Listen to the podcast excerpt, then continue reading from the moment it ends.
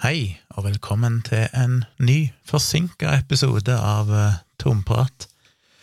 Glemte helt vekk å spille inn i går kveld, og grunnen til det er nok enkelt og greit at jeg hadde en uh, fotoshoot, som jeg har nevnt før. Jeg hadde min første fotografering hos Brasseri Hansken her i Oslo i går, som er en uh, restaurant.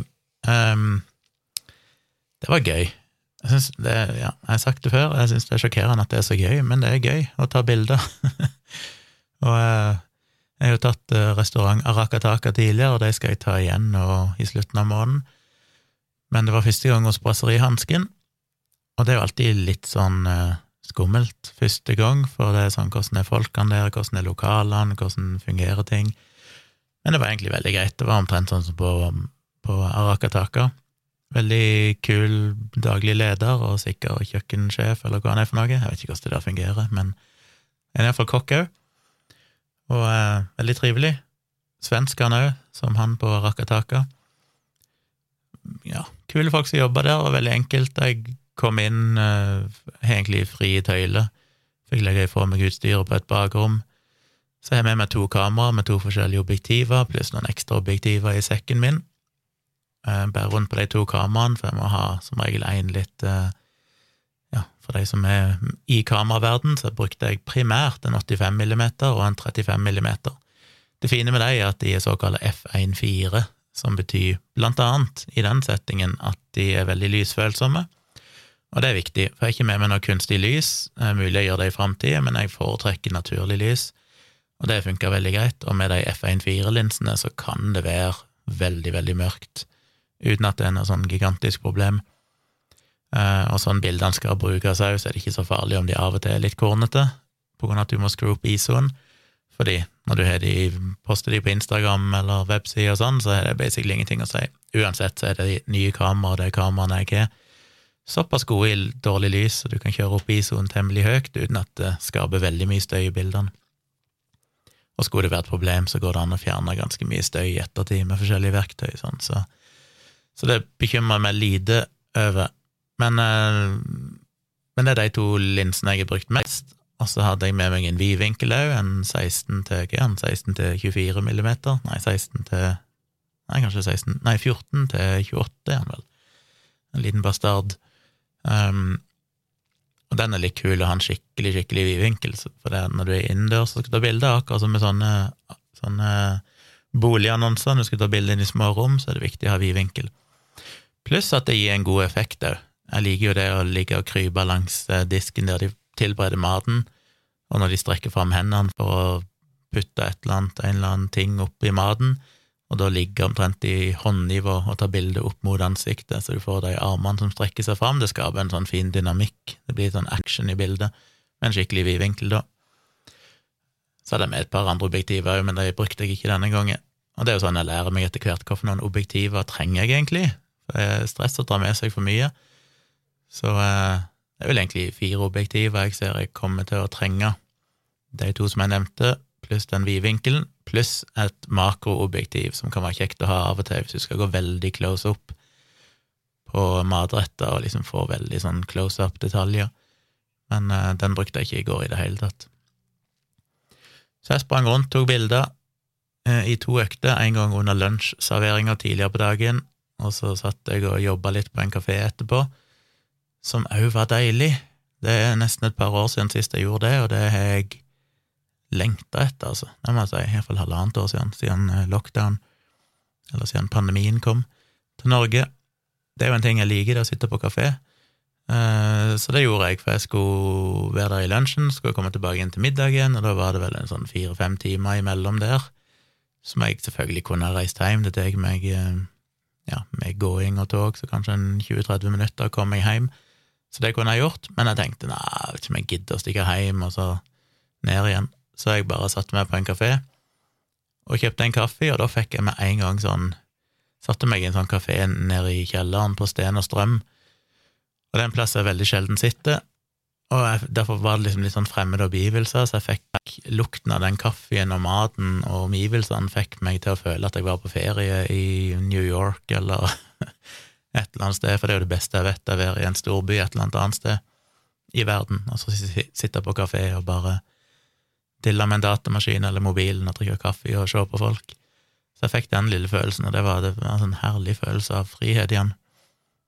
Så det koste jeg meg med.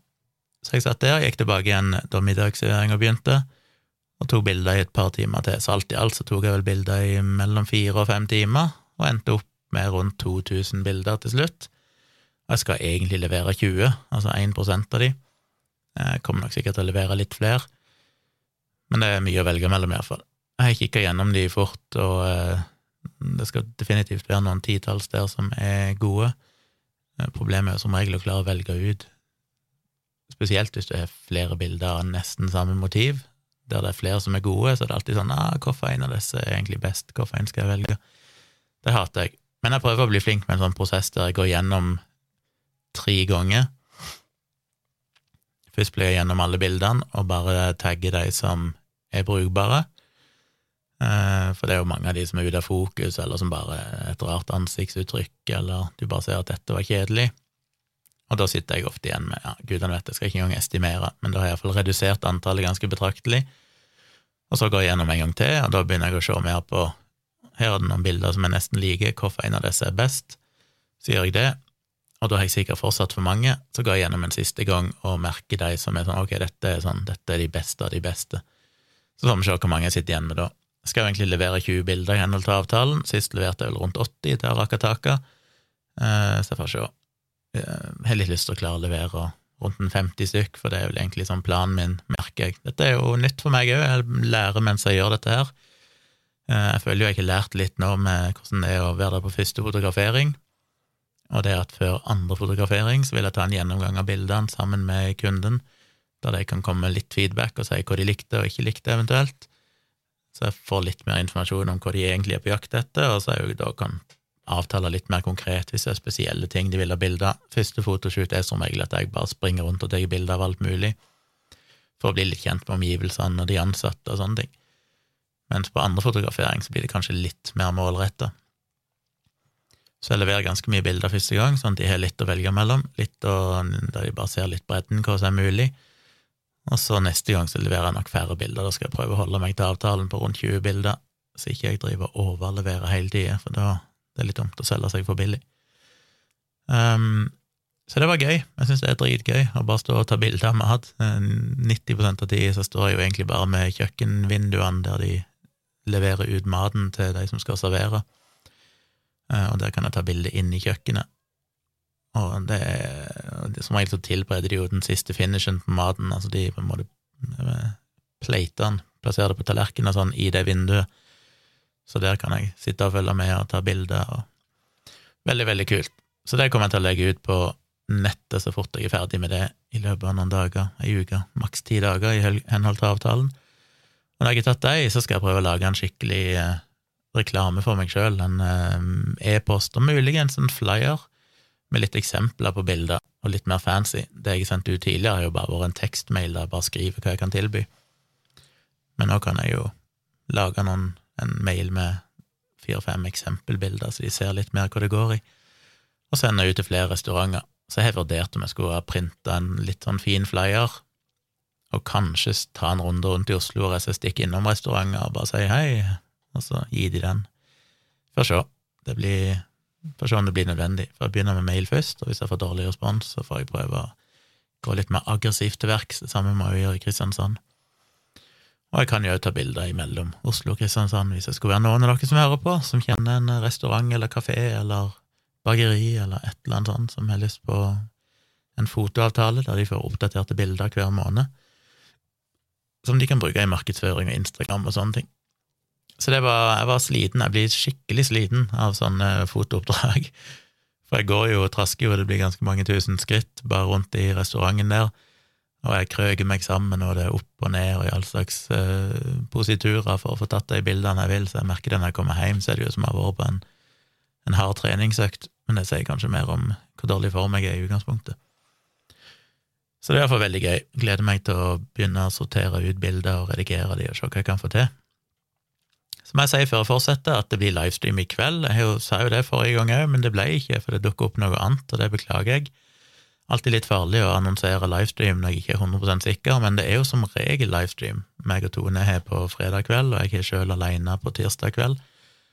Men i kveld blir det. Det er vi jo bestemt. Jeg har allerede oppretta livestreamen, så den ligger både på min YouTube-kanal, Tvilsomt med Tjomli, og på Tone sin YouTube-kanal, som heter Tone Sabro. Så du kan se den hos en av oss. Eh, den ligger allerede ute, klar, og starter klokka ti. Nei, ikke klokka ti, klokka elleve. Klokka elleve i kveld. Min private livestream på tirsdagene starter klokka ti, men denne felles livestreamen, som vi kaller for Ærlig talt, den starter klokka elleve i kveld, fredag kveld, hvis du hører dette i dag. Det gjør du kanskje ikke, men skulle du rekke å høre dette, så vet du at det er en livestream i kveld. Så kom gjerne innom den og, og sitt og kikk på. Så kan du delta i chatten hvis du har lyst til det. Jeg har en del jeg skal snakke om i dag, eh, men det blir ikke så langt, langt kanskje om hver av tingene. Eh, bare en del sånne studier sånn som dukker opp i Twitter-feeden min, og så på slutten så skal jeg snakke litt mer inngående. Det blir dessverre litt covid igjen, men jeg fikk en lang melding i dag på, på Messenger med et spørsmål, egentlig, eller masse påstander som egentlig konkluderte med liksom, burde jeg ta covid-vaksinen eller ikke. Eh, for hun som sendte meg dette, hadde valgt å ikke ta den foreløpig. Og eh, der kommer det jo mange påstander som jeg syns er interessant å bare drøfte litt, mm, besvare til en viss grad. Jeg kan jo ikke gjøre det så grundig som det jeg gjør i bloggen, og jeg har vel stort sett besvart det meste av dette allerede i bloggposter, men det er jo en sånn Ja, jeg har litt tanker rundt de tingene her. Um, ja, så det skal komme til på slutten. Men la meg starte med den første, der jeg er litt usikker på hva jeg egentlig skal si, men jeg bare syns jeg Jeg vet ikke, jeg får se. Uh, jeg fant en uh, en artikkel på Facebook, tror jeg den dukket opp, på forskning.no, der spørsmålet var hva er best for klimaet, å kjøpe en ny elbil eller bruke opp den gamle bensinbilen? Og Grunnen til at jeg følte det var litt relevant, er når de kom til litt lenger ned i artikkelen, fordi jeg hadde jo denne mailen jeg fikk for noen episoder siden, som handler om dette med forbruk og ressurser, og kanskje det var galt å kjøpe bil i det hele tatt, uavhengig av om det var elbil eller ikke, at det fortsatt krevde mye ressurser å bygge bilen, og hadde også CO2-utslipp. Um, ja, bygge hus, bygge hytte, kjøpe klær Altså, alt du gjør, har jo en effekt på jorda og klimaet, og derfor så bør det være et mål å forbruke minst mulig. Inklusiv da kanskje ikke kjøpe seg bil, men heller bruke sykkel og føde og offentlig transport hvis det lar seg gjøre. Så det drøfta jeg jo ganske inngående i denne episoden, skal ikke gjenta det, men, men det kombinert med at et argument vi jo hele tida hører i forbindelse med f.eks. For å avvikle petroleumsindustrien i Norge, er jo at ja, men det betyr jo ingenting, for at uh, Kina og India og sånn forurenser jo så mye mer, og det er ingen ambisjoner om å redusere dette, videre. Uh, vi blir bare en fjert i universet, så hvorfor skal vi Vi kan ikke redde verden. Uh, så er det jo mange avgreininger av den debatten, eksempel at det er bedre at vi produserer spesielt gass, da, fordi den er mindre klimautslipp enn det oljen og gass fra andre land, eller et eller annet sånt. Eh, sånn at totalt sett, hvis vi produserer, så trenger ikke de å produsere så mye, og det vil være netto bra for klimaet og mindre CO2-utslipp. Så det, det, er liksom Og det, dette er ikke enkelt, det er komplekst, og så er det jo masse vurderinger om hvilke effekter vil det ha mer sånne indirekte. Hvis Norge slutter å produsere olje og gass i løpet av de neste årene, vil det bare føre til at andre land produserer mer? eller kan det ha en effekt at vi slutter? Og der strides jo ennå de lærde, jeg blir aldri helt klok på det, det er analyser og rapporter i begge retninger, um, som inneholder en del variabler som det er vanskelig å, å kvantisere, sånn at det blir jo noen estimater som vi egentlig ikke vet størrelsen på, sånn at det er vanskelig å vite helt sikkert hva det egentlig vil være, eksempel hvorfor en oppdragende effekt er det at Norge slutter, eksempel hvorfor en innvirkning er med på andre land, kan vi være et forbilde? Et eller annet sånt. Eh, det er umulig å er veldig vanskelig å vite konsekvensene av det.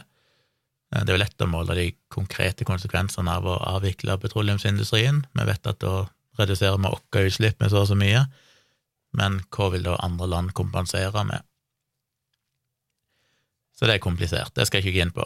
Men det som da kommer, er som sagt, hvorfor gjør er det vits i at vi gjør noe, fordi andre land slipper ut mye mer, og det kommer ikke til å slutte. Eh, før jeg snakke om om elbiler og forskning.no-artikkelen, så er det jo interessant der å se at både Kina og India har vel Nei, det burde jeg kanskje ikke snakke om, for jeg vet jo egentlig ikke hva jeg snakker om. Jeg bare mente jeg hadde sett en plass at de skulle av, eller de skulle stoppe bygging av nye kullkraftverk, var det ikke det de sa? Um, Syns jeg leste en plass. Et eller annet sånt. Og det, uansett, det, det, som, det vil ikke overraske meg, det, for det er så typisk at vi i Norge da bruker argumentet med at ja, men det er ikke noe vits i at vi gjør det fordi vi er så små og sånn. Og så ender det plutselig opp med at de landene vi da skylder på hele tida, Kina og India, sånn, plutselig da endrer strategi og sier nei, nå skal vi redusere klimautslipp, og så ender Norge opp som en sinke. Og det er det også typisk, vi er så redd for å gjøre et eller annet fordi vi ikke vil liksom være de første, vi vil ikke ta den sjansen, dette er jo ikke vårt ansvar hovedsakelig og så plutselig så reagerer andre land som ikke tenker på den måten, og som kanskje da har selvfølgelig mye større klimagassutslipp og kanskje føler et større ansvar, jeg vet ikke.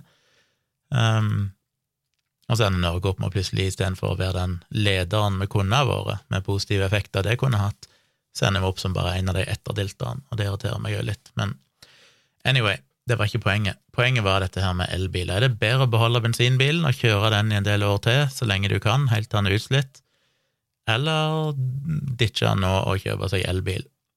Og da viser de til en japansk studie der de har konkludert med at eh, det er bedre å kjøre bilen din helt ut, den bensin- eller dieselbilen du har, heller enn å kjøre, kjøpe en elbil. Fordi selv om du ved å kjøpe elbil vil slippe ut mindre CO2, så vil jo òg produksjonen av den elbilen medføre mye klimagassutslipp og ressursbruk som totalt sett da overstiger det du sparer på å kjøpe eh, elbilen der og da, eller ditche bensinbilen. Så er det en diskusjon om det i denne forskning.no-artikkelen, og jeg lenker jo til alle studieartikler jeg snakker om her, hvis jeg kan, i shownotes på podkasten. Og da er det noen som mener, norske analytikere som mener at ja, det stemmer nok for eh, Japan, for de produserer jo masse biler, og dermed så har jo de masse CO2-utslipp knytta til produksjonen, og da er det helt definitivt bedre at folk ikke kjøper elbiler, for eksempel, fordi de utslippene vil da belastes Japans eget klimaregnskap, sånn at de totalt sett kommer dårligere ut. Men Norge produserer jo ikke biler, så for oss vil det være gunstig, mest sannsynlig. I Norge er det en fordel, fordi da reduserer vi våre egne CO2-utslipp, og vi får ingen utslipp ved at folk kjøper elbil, Eh, bortsett fra bitte grann transport, kanskje import til landet av bilen fysisk. Eh, eller egentlig ikke det heller, for dette skal jeg ikke telle med, som jeg kommer tilbake til. Og dermed så får vi bare netto nedgang i utslipp. Og det kan jo høres litt rart ut, for det blir ikke det jo en sånn ansvarsfraskrivelse at ja, ja, så lenge CO2-utslippene ved produksjonen av bilen skjer i et eller annet land, så er ikke det vårt problem. Derfor så bør vi skifte til elbiler, for da kommer Norge godt ut. Og umiddelbart så stussa jeg litt på det og tenkte sånn, det var jo en merkelig ting, for at eh, klimaet er jo globalt, eh, CO2-utslippene er globale, det er jo det som teller. Hvis vi gjør ting som fører til mer CO2-utslipp i andre land, så er jo det fortsatt deres ansvar, det, er jo en konsekvens av at noen i Norge har kjøpt den bilen. Men da kom det jo fram noe som jeg ikke hadde tenkt på, og som gjør hele greia litt sånn litt forvirrende. Men det de sier, er jo at uh, Skal vi se Hva var det de skrev her? Ja. At uh, klimamålene fra Parisavtalen er veldig tydelige på at hvert land er ansvarlig for sine utslipp. Og sånn må det være. Ikke fordi det nødvendigvis er på en måte det riktige, for det er klart CO2-utslipp i Norge påvirker hele kloden, det påvirker ikke bare atmosfæren, stopper ikke med landegrensene men rent politisk og sånn pragmatisk sett så må vi håndtere det på den måten, fordi ellers blir det umulig for noen å nå klimamålene sine. Du må ta ansvar for dine egne utslipp, og så må du måle klima, eller har klimamålene ut ifra det, altså CO2-utslipp, om de øker eller synker, det må du bare se i kontekst av de utslippene som faktisk blir produsert innenfor dine egne, dine egne landegrenser. Og det gjør jo at hvis vi produserer ting som slipper ut CO2, men eksporterer det, så er vi ansvarlige for CO2-utslippene ved produksjonen, men vi er ikke ansvarlige for CO2-utslippene ved bruken av det produktet. For eksempel hvis vi hadde produsert biler, da, som vi ikke gjør. Um, tilsvarende, hvis vi importerer da eksempel biler, så skal ikke vi være ansvarlige for CO2-utslippene knytta til produksjonen, kun bruken. Og det høres jo som sagt litt sånn kontraintuitivt ut, men er nok det riktige, fordi da plasserer du ansvaret der det hører hjemme. Og det er jo viktig i den debatten der folk ser på Kina og India, for det gjør jo at det blir et, et eh, meningsløst argument, for det er ikke poenget. Mm, for eksempel hvis du tar Parisavtalen, så er jo poenget der at du skal redusere utslippene så og så mye innen et visst år, og det må du se kun på landet ditt. Hvis alle hadde fulgt den og kun sett på landet sitt, så hadde det ført til en forbedring. Men hvis folk sier at ja, men det er ikke noe vits i, fordi se på Kina, se på India, eh, så får du ikke noen til å handle i det hele tatt, for da føler bare alle at ja, men vi gidder ikke gjøre noe før de største landene, de med mest utslipp, har gjort nok, da kan vi begynne å bevege oss. Men da vil jo aldri få til den endringen vi trenger. Og den er jo mer kompleks enn bare de konkrete utslippene fra de landene. La ikke si at europeiske land sa at eh, nei, vi gidder ikke gjøre noe, for det ser se på Kina, se på India. Men hvis europeiske land sier ok, vi tar ansvar for våre egne utslipp, og da faktisk gjør de tiltakene, eksempel å oppfordre befolkningen til å gå over til elbil, selv om det kanskje globalt sett i en kort periode øker utslippene i forbindelse med produksjonen, heller enn å bytte ut sin eh, Eller enn å fortsette å kjøre sin bensinbil ut levetida, så vil det innenfor ditt land redusere utslippene. Og det vil gjøre at du kan nå klimamålene. Og hvis alle europeiske land hadde tenkt sånn, og faktisk klart å nå klimamålene, og da blitt mer bevisste på dette, så vil det ha konsekvenser, tenker jeg, globalt sett òg, fordi det vil òg medføre en komplett holdningsendring og en helt annen måte å tenke på, som blant annet vil medføre at det vil bli sannsynligvis økte avgifter på import av produkter som inneholder CO2, sånn at land som Kina og India, kanskje spesielt Kina, da, som eksporterer mye, vil komme dårligere ut. De vil ha dårligere konkurransefortrinn fordi det blir så dyrt å importere produkter der, fordi de slipper ut så mye CO2. Og det vil jo påvirke. Så vi kan jo påvirke andre land indirekte på den måten, men igjen så er Norge relativt lite, så det er jo avhengig av at de flest mulig land, og de som har signert denne Parisavtalen, i det minste, klarer å gjøre en sånn endring. Så det er jo litt sånn eh, vidtrekkende, diffuse konsekvenser som ikke er direkte knytta til antall tonn CO2 du øker eller reduserer, men, men mer eh, når det er rent politisk og avgiftsmessig. Men det var interessant, jeg hadde ikke tenkt på det sånn før, at du må faktisk bare plassere ansvaret for CO2-utslippene i ditt eget land, og da faktisk, for det snakket vi litt om i den mailen jeg hadde for noen episoder siden, da var det jo snakk om ressursbruken, så måtte du regne med. For da målte de jo på en måte effekten av, av tiltak basert på den totale mengden CO2 landet slapp ut, om den hadde gått opp eller ned, og da basert på, delt på antall kilo varer produsert, men da tok de òg med import og eksport. Og kanskje en da ikke skal gjøre det i sånne regnskap, kanskje du kun skal se på det du produserer i landet, og utslippene knytta til det innenfor dine egne landegrenser, fordi det faktisk er er relevant. Og så blir det mer komplekst igjen da med en gang du begynner å snakke om energien, strømmen, fordi det er lett å tenke at ja, ja, i Norge har vi vel 100 eh, fornybar energi, det er stort sett vannkraft, og derfor så er det basically totalt Det forurenser ingenting å bruke en elbil, for det CO2-utslippene ved produksjonen de havner i andre land, skjer i andre land. Når vi importerte den til Norge, så har vi ren energi.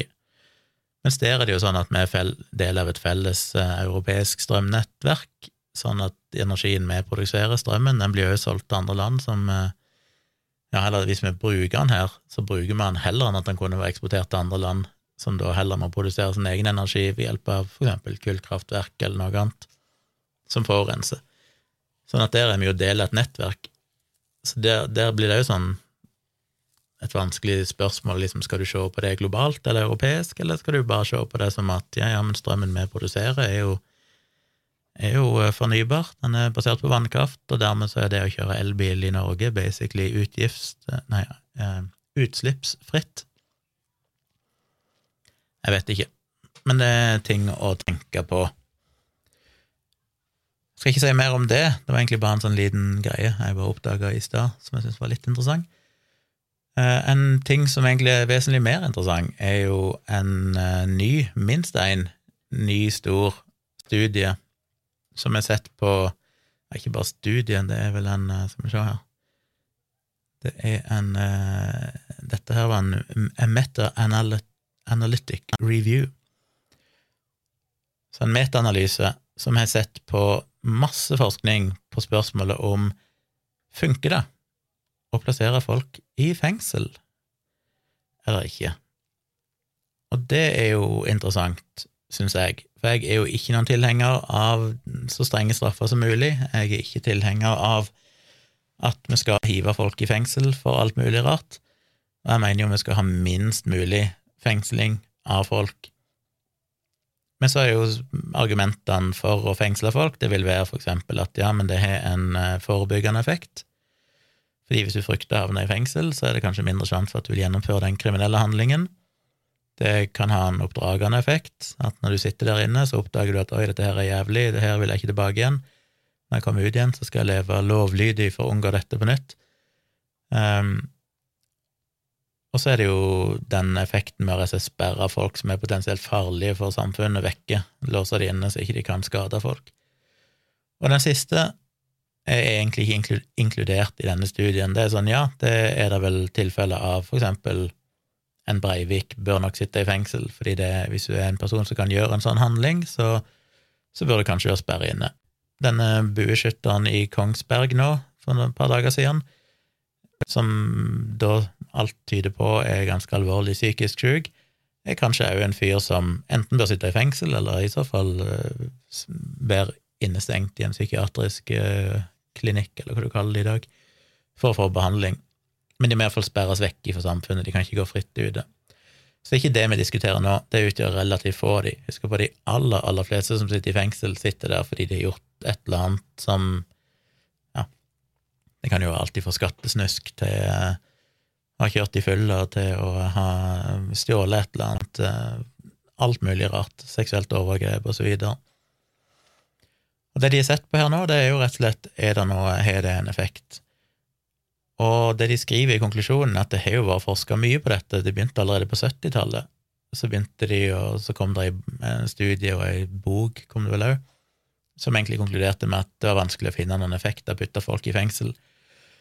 Og de aller fleste av studiene de er inkludert her, er jo amerikanske. Men Skal vi se om jeg finner igjen den tweeten. Um,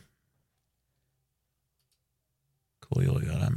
ja, Jeg finner ikke i farten, men jeg husker ikke helt nå var det rundt 75% eller sånn av studiene var vel fra USA.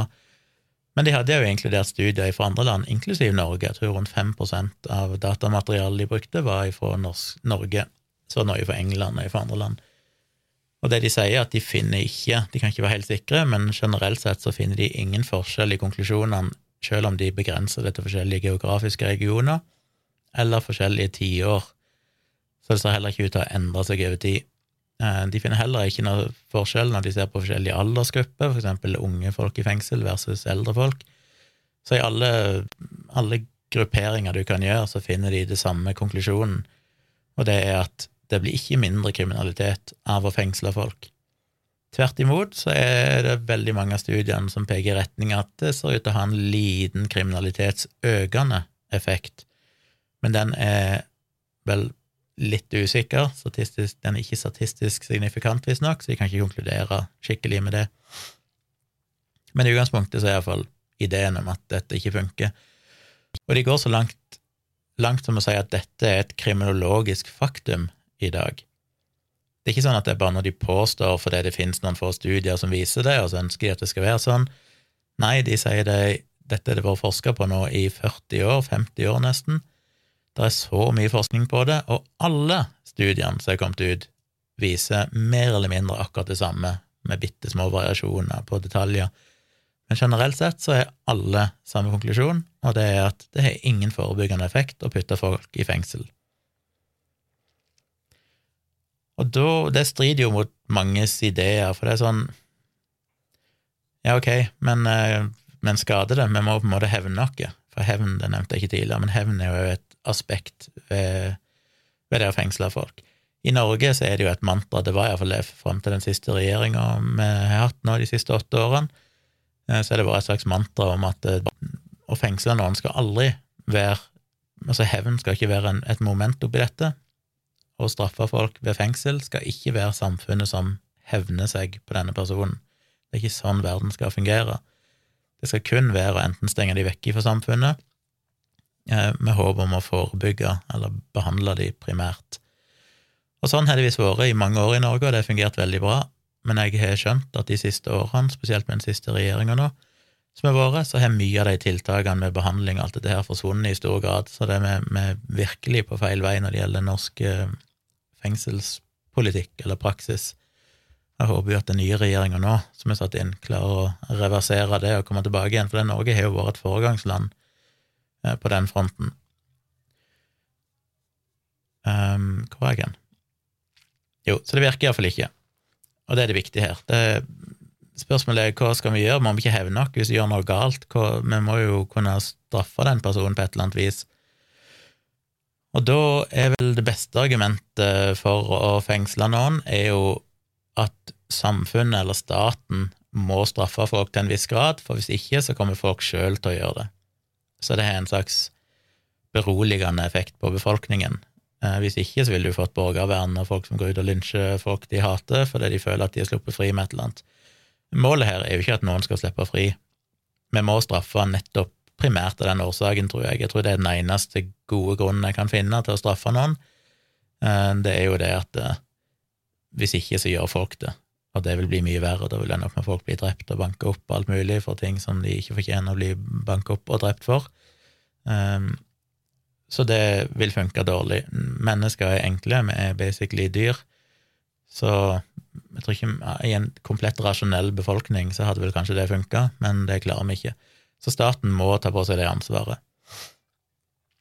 Og så vil det selvfølgelig ha en viss forebyggende effekt, det kan jeg ikke tenke meg noe annet, for en del sånn mindre kriminalitet. Eh, så for enk, altså sånn skattesnusk og alt mulig sånn, jeg mener hadde det ingen konsekvenser, så er det vel vanskelig å se for seg at, at folk at ikke det var mange flere som ville gjort de tingene. Men poenget er jo at det går an å straffe på mange måter. Du kan gi folk eh, betinga fengsel. Det betyr at de blir ikke fysisk sperre inne, men de vil ha en del begrensninger, eksempel i reising, og de må melde seg jevnlig, og mange sånne ting som gjør at du får en innskrenka frihet uten at du må sperres inne. Um, du kan òg gi bøter, selvfølgelig, som svir på pungen. Uh, så det er muligens dette med hjemmesoning og ha fotlenke, sånne ting, uh, kan være en god ting. Nå vet jeg ikke hvordan det spiller inn i, i forskningen her, sammenlignet med det å faktisk sitte i fengsel, men men det er mange måter vi kan straffe folk på, på måter som gjør at det har konsekvenser, uten at du putter de i fengsel. Det er klart, dette her gjelder primært i USA og sånn, ikke i Norge. Eh, effektene ser ut til å være like i Norge ut ifra den forskningen de har sett på, altså det er ikke noen forebyggende effekt. Men det er ikke det store problemet i Norge som det er i USA. I USA så sitter jo bortimot to millioner av befolkningen i fengsel, av den voksne befolkning. Altså det er litt under 1 prosent Eh, av den amerikanske befolkning sitter i fengsel. Det er ganske drøyt, for å si det mildt. Litt under én av hundre personer i USA sitter i fengsel. Så i USA har det jo vært helt ekstremt, og USA har jo kjørt den linja i flere tiår med at de har hatt en idé om at det har en enormt forebyggende effekt. Hvis du bare gjør det jævlig nok for folk en periode, så vil de bli lovlydige borgere. Og det betyr ikke bare at de skal i fengsel, men òg at de skal ha det jævlig i fengsel det skal være overfylt, de gjør ikke noe spesielt for å forebygge vold og voldtekter og alt det jævelskapen som skjer innenfor murene. Eh, de har jo kjørt denne linja med at folk nesten ikke får se dagslys, eh, de blir totalt isolert fra andre, for de mener at hvis du bare gjør det ille nok, så vil du komme ut som en lovlydig borger som aldri vil komme tilbake igjen. Men det funker altså ikke. Det har ingen sånn effekt. Og det skriver de ikke om i artikkelen her, men jeg mener, hvorfor har det ikke en effekt? Vel, den mest alvorlige kriminaliteten blir jo ofte begått i affekt. Um, og det vil jo Da vil jo kunne forebygge det, for det er ikke noe de gjør i affekt, og tenker de ikke 'hm, er dette verdt det', kan jeg sitte noen år i fengsel for denne handlingen? Stort sett så skjer det uten at det, det er noen grunn. Det kan være folk med psykiske problemer, de vil heller ikke ha en spesielt uh, rasjonell vurdering av handlingen i forkant, de gjør det på grunn av at de de lider på en eller annen måte. Det virker som en naturlig utvei, det de gjør. Det kan være mange årsaker. Men alle de her store tingene eh, er stort sett ikke Eller i veldig stor grad så er det jo affekt som gjerne ligger bak. Eh, I tillegg så kan det jo være en planlagt handling, det kan jo være et overlagt drap. Eh, da kan en jo ha tenkt gjennom konsekvensene av det, men en har likevel vurdert det dit hen at det er verdt det. Og det er sånn, ja, men hvis de har vurdert det dit hen at det er verdt det, så har jo tydeligvis ikke fengsel noen forebyggende effekt. Vil antall drap for eksempel øke hvis en slapp billigere unna? Det tviler jeg på, for det har en jo sett på for eksempel med dødsstraff. Det ser ikke ut til at dødsstraff har noen forebyggende effekt mot drap. Dermed er det vanskelig å tenke seg at om du sitter 20 år i fengsel, eller 10 år i fengsel, eller 5 år i fengsel, så er ikke det nødvendigvis noe som kommer til å ha en store effekten på det, fordi du må straffes på en eller annen måte uansett for noe så alvorlig, men kanskje ikke du skal sitte i fengsel for det. I en del tilfeller så bør du i fengsel hvis du er en person som er direkte farlig og kan finne på å gjøre dette igjen, så ja, så må du sperres vekk fra samfunnet, sannsynligvis. Men hvis det er et drap som er veldig målretta, sånn som en ser mange tilfeller av at når noen dreper noen, så er det ofte en veldig spesifikk grunn. Det er De er vokst opp med en, eh, en far som mishandla de i oppveksten, og til slutt ender opp med å drepe denne faren. Da er det ikke naturlig å anta at de ville ha noen grunn til å drepe noen andre, men de dreper spesifikt den personen fordi de er vokst opp i 20-30 år under grusomme forhold, og til slutt så klikker det for dem. Og det er liksom den ene personen da som er ansvarlig og er skyld, og som blir offeret. Så det, det, er mange grunner til at jeg kan tenke Jeg sliter med å se at uh, fengsel skal være forebyggende, men i tillegg så er det jo det da at fengsel gjerne da blir en slags skole for kriminalitet. Du kommer jo da naturlig nok i kontakt med andre kriminelle, du blir del av et kriminelt miljø. Du kan lære ting, du får kontakter som kan gjøre det enda lettere å begå kriminalitet når du kommer ut igjen. Så det er, jo, det er jo negative og positive sider her. Du får det som kan booste kriminalitet, og så kan det kanskje redusere enkelte typer kriminalitet, denne frykten for å havne i fengsel. Men ut ifra det en ser i USA, og der er jo tross alt fengslene mye jævligere enn det er i Norge I Norge så er det jo ja, sånn standardmessig så kan det jo være bortimot som å, å bo på et enkelt uh, hotellrom, um, selv om jeg ikke vil sammenligne det på noe slags vis, fordi at det verste med å være i fengsel er jo selvfølgelig at du blir avskåret ifra familie og venner og, og ja, det du normalt har tilgang til. Du kan ikke gå ut, du er på én plass i lang tid. Og det er ille uansett. Jeg har sagt det før, jeg må si det igjen. Når jeg ser folk si for eksempel å, jeg fikk bare tre års fengsel, det er altfor mildt. Sånn, skjønner de, skjønner de hva tre års fengsel er? Hvis du er en For enkelte personer så er det kanskje ikke så ille, hvis du har levd et jævlig liv, eller dette er noe som Så ja, ok. Men for de aller fleste av oss som lever et komfortabelt liv med en kjæreste eller samboer eller kone eller mann, du har familie, du har venner, du har en jobb å gå til Det å bli avskåret fra det i bare en måned ville vært temmelig jævlig, syns jeg. Um, pandemien er vel et eksempel, holdt jeg på å si. Bare se hvordan folk har klagd under pandemien, hvor jævlig det er for folk. Tenk deg da å sitte i fengsel dobbelt så lenge, tre ganger så lenge, fem ganger så lenge som det vi har hatt lockdowns. Jeg tror folk ville altså hvis, du kan klage, hvis du kan både klage på dette med at pandemien er helt forferdelig, altså lockdown, fordi du ikke kan ha julefest med familien og sånn, og samtidig i neste åndedrag si at noen får for mild straff fordi de fikk bare fem år i fengsel, det finner jeg litt rart, for det er ikke en mild straff. Iallfall i min verden så ville det vært om det er ett år i fengsel, eller om det er ti år i fengsel, så vil det være helt, helt jævlig. Sjøl om du lever relativt komfortabelt, sjøl om du får helt grei mat hver dag, og du har ei grei seng og et enkelt rom, og du kanskje har TV, og det er tilgang på bibliotek og diverse sånne ting som folk i USA sånn syns er helt hårreisende, at Norge, norske fanger har det så komfortabelt og luksuriøst, så er det ikke det som er straffen. Det er jo det å være avskåret fra samfunnet. Og i USA er det jævlig, som sagt, og det ser ikke ut til å virke der, så det er ikke noen grunn til at det skulle virke i Norge heller. Um, ja, jeg rota meg vekk, jeg vet ikke engang hvor jeg var hen. Men poenget er iallfall at denne studien til syvende og sist viser at dette ikke ser ut til å fungere. Det vil si at det er ikke denne studien, det er altså en metaanalyse av mange studier over flere tiår, der alle har samme konklusjon. Og da er jo spørsmålet hva gjør vi med dette? hvordan kan vi egentlig fortsette å putte folk i fengsel? Og da er det lett å tenke at ja, ja, men gjør det noe? Vi trenger jo å straffe dem på et eller annet vis, hvorfor ikke bare hive dem i fengsel? Og igjen, i Norge kanskje ikke det største problemet, for vi er ikke så stor andel av befolkningen som er fengsla, og en betydelig andel av de som er fengsla, er jo folk fra andre land, det er arbeidsinnvandrere og sånn, gjerne fra Latvia, Polen og sånn. Um, så andelen av befolkningen i Norge vet jeg ikke som sitter i fengsel, men det er noe marginalt sammenlignet med USA. Og um, Shit, nå hjernen min er ikke helt med meg i dag. Ikke hva det for lite kaffe eller et eller annet sånt. Hvor var jeg hen? Eh, jo, kostnader.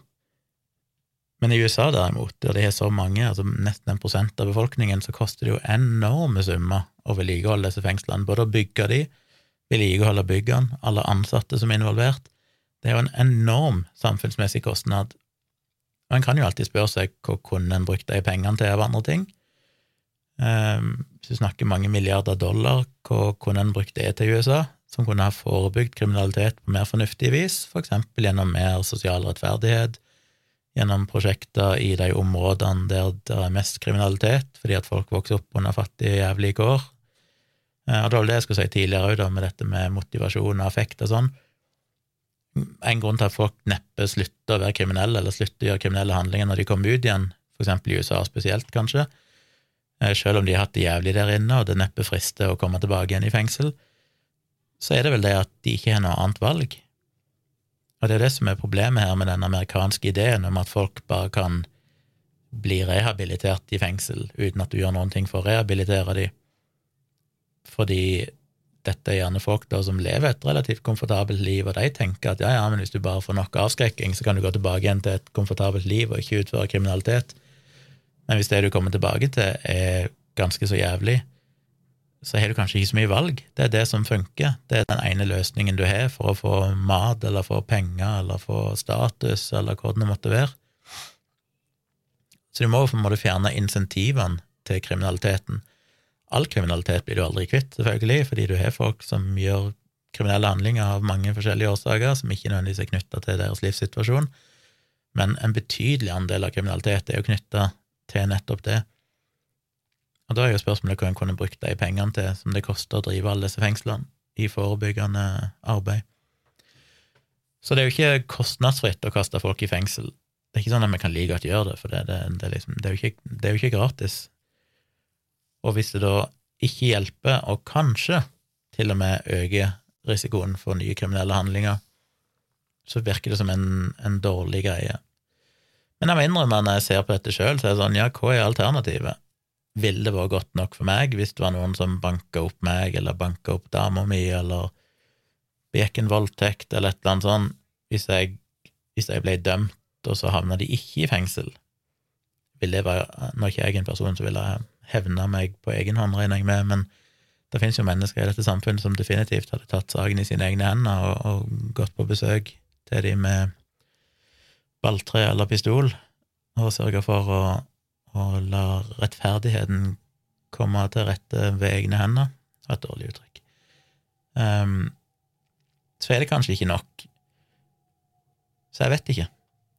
Jeg vet ikke helt hvilke konsekvenser en sånn, denne forskningen bør ha, men jeg syns allikevel det er ubehagelig å tenke på at her, her gjennomfører vi tiltak som koster mye penger, kanskje ja, i beste fall ikke har noen effekt, bør vi fortsette? Bør vi fortsette med sånne tiltak som koster mye penger, når de faktisk ikke virker?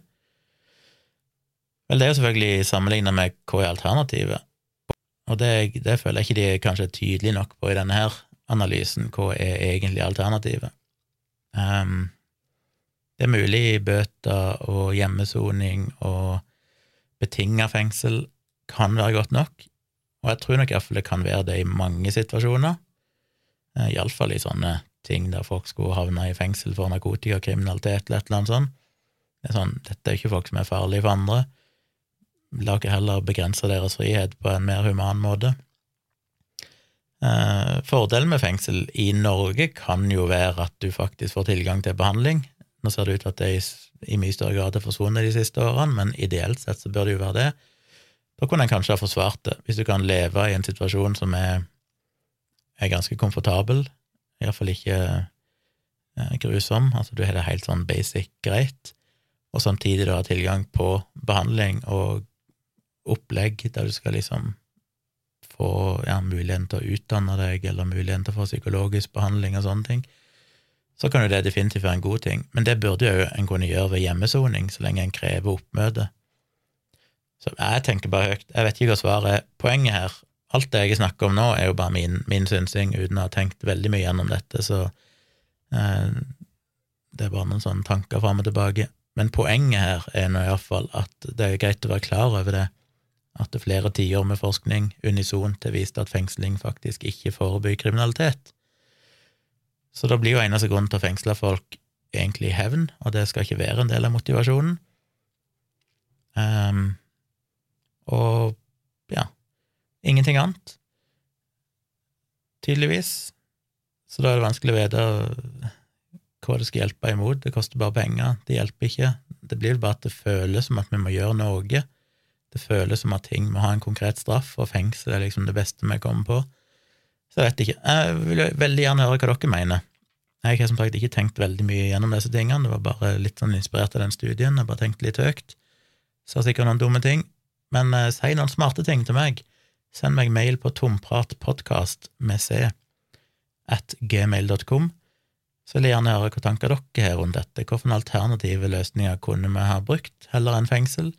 Eller mener dere at vi må ha fengsel? Det finnes ikke noen alternativer, det er det eneste rette. Uh, selvfølgelig er det mye forskjell på type kriminalitet, og det, som jeg sa innledningsvis, det er forskjell på noen som kanskje er direkte farlige for samfunnet, og de bør nok være sperret inne, men om det skal være i fengsel, er jo ikke nødvendigvis en eh, Det må ikke nødvendigvis være fengsel, det kan jo være at de blir sperra inne på et eh, sykehus, holdt jeg på å si, på en eh, psykiatrisk klinikk, eller noe sånt. Jeg vet ikke. Jeg vil gjerne høre hva dere mener, dere som sikkert er noen av dere er sikkert mer peiling på dette og tenkt litt mer gjennom det, så send meg mail til tompratpodkast.gmil.com, så vil jeg gjerne ta opp igjen den, det temaet når jeg har blitt litt belyst og fått litt mer informasjon ifra forhåpentligvis noen smarte lyttere. Det setter jeg veldig pris på. Så over til litt vaksinering igjen. Det er jo enormt med desinformasjon der ute, som jeg har vært innom tidligere, med folk som har en idé om at vaksiner ikke virker, og vaksinerte er bare i større fare for å skade eller for å smitte andre og alt dette tullet. Det kan jo være greit med noen konkrete tall. Nå har omsider CDC offentliggjort tall som er relativt ferske, så vidt jeg har skjønt. Jeg eh, så det på Twitter i dag, der ble det påstått at de nå endelig hadde gjort det. Jeg skal lenke til den. Det er en veldig enkel oversikt på en sånn veldig enkel eh, graf, der du kan se forskjellen på uvaksinerte og vaksinerte i USA, riktignok, i perioden 4. april til 4. september 2021.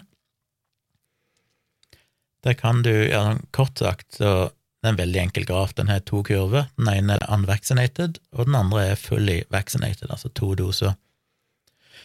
Og Der kan du se antall smittetilfeller som er bekreftet gjennom testing. Du kan se dødsfall. Du kan òg filtrere på type vaksine og på aldersgruppe. Så la oss se litt kjapt på det. Under grafen så er det to firkanter, og de er jo på en måte det sentrale her. Hvis du ser på august måned i USA, som jo der de hadde en enorm oppgang, og er kanskje den verste måneden, ikke bare kanskje, det er vel den verste måneden USA har hatt gjennom hele pandemien, som er ganske sjokkerende, fordi vi har jo vaksinert så mye og sånn, og i de fleste andre land så er det jo gått ned, ja, det var en liten økning etter sommeren, men generelt sett så er det jo lite dødsfall og sånn, fordi at folk flest er vaksinert. Men i USA så er det altså vært på sitt verste i august. Det var en enorm oppblomstring, og de har hatt problemer med å få vaksinert nok fordi at det er så mye vaksinemotstand. Og der finner jeg nå at uh, hvis du er uvaksinert, så har du 6,1 ganger større sjanse for å være smitta enn det en fullvaksinert er. Så det kan en jo diskutere, det tallet der. Eh, hvis vaksinen hadde vært 90% effektiv, så ville det vært ti ganger høyere sjanse, ville det ikke det? Eh, 6,1 betyr jo at vaksinen da tydeligvis er litt lavere enn det. Det blir vel en eh, ja, Hva blir det? En 85, 8, mellom 80 og 85 en plass effektiv, som er egentlig veldig bra. Det betyr at du reduserer risikoen din for smitte med 6,1 ganger hvis du er fullvaksinert. Men det er jo for smitte, og som vi vet, så har jo effekten av vaksinene sunket litt med tanke på smitte over tid. men effekten mot alvorlig sykdom og død er derimot holdt seg veldig høy. Og der finner en fortsatt at i august i USA så var det altså 11,3 ganger større sjanse for å dø av covid-19 hvis du var uvaksinert sammenlignet med fullvaksinert. Så det er ikke så veldig mye tvil der om at du, eh, du reduserer risikoen din veldig for covid-19 ved å være fullvaksinert. Så kan en jo se litt på forskjellige aldersgrupper, skal vi se. Um, hvis en velger bare ja, La oss ta gamle folk først, de som er over 65. Ja, der finner en vel unvaccinated, unvaccinated Nå ser jeg ikke tallene her, jeg ser bare grafen. Men Dere kan gå inn og leke med den sjøl, men du ser jo fortsatt der at risikoen for uh, Skal vi se, om jeg velger deaths. Jesus, det var mye å krysse av på her. Sånn, over 65 år. Risikoen for dødsfall er veldig, veldig mye høyere hvis du er uvaksinert, som ikke er så veldig overraskende. Hvis du ser på bare smittetilfeller, så er den selvfølgelig òg mye, mye lavere. Eh, det gjelder jo for alle aldersgrupper her. Jeg klikker meg inn på alle her. Ja. Så det er, noe, det er greit å se de tallene i praksis, hva de egentlig er. Du kan òg bryte det ned på de forskjellige typer vaksiner, og se på for eksempel dødsfall. Da ser en at uh, Ja, jeg går unvaccinated her. Jo, der var den svarte. Da ser en at uh, Moderna faktisk kommer best ut. Det er færrest dødsfall i Moderna-gruppa, litt flere i Pfizer-gruppa og enda litt flere i Janssen-gruppa. AstraZeneca har jo ikke vært brukt i USA. Når du ser på smittetilfeller, så er det det samme. Det er færrest med Moderna, for det har jo kommet fram nå nylig at Moderna gir litt bedre immunitet over tid. Forskjellen var veldig liten tilbake i juni, og for så vidt før det. Da var Pfizer og Moderna basically like, men så begynner de å skille lag i midten av juli. Så da begynner tydeligvis effekten av vaksinene å vise seg at de synker litt, og de synker litt mer for uh, Pfizer enn de gjør for Moderna. Og Jansen er dårligst over hele linja.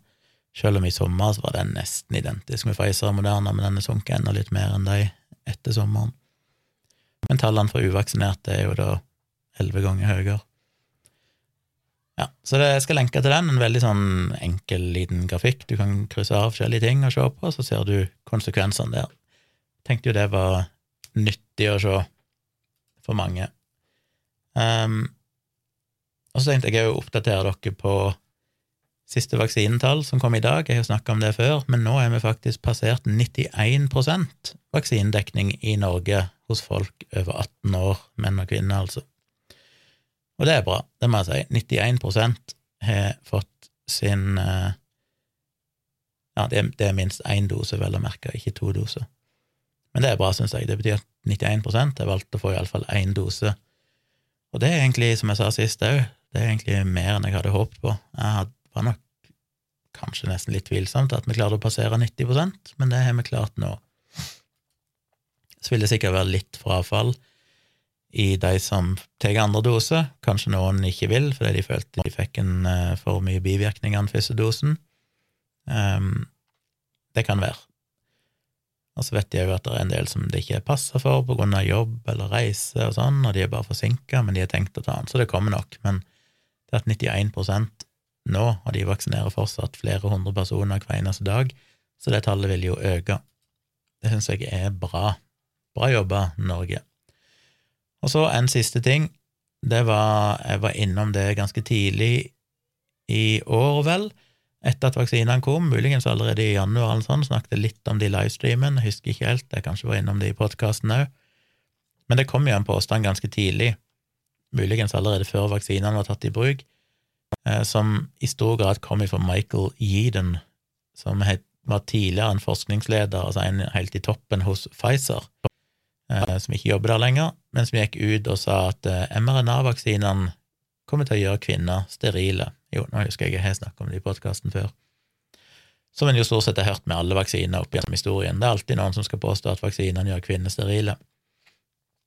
Eh, årsaken til det var jo at han mente at de piggproteinene som blir produsert av kroppen når vi blir vaksinert, de minner veldig om et eh, Hva er det? Et hormon, eller hva er det for noe, syncytin 1, som iallfall er en uh, greie i uh, kvinners uh, fertilitet. Jesus, nå husker jeg så dårlig hva dette her var for noe. Anyway, poenget var at de proteinene skulle ligne på hverandre, sånn at når du fikk en immunrespons mot SARS-CoV-2, piggproteinene der, så ville det jo kunne angripe det her syncytin 1, og dermed gjøre kvinner sterile. Det hadde han jo ingen data for å, å underbygge, annet enn at han vel mente at de proteinene ligna på hverandre.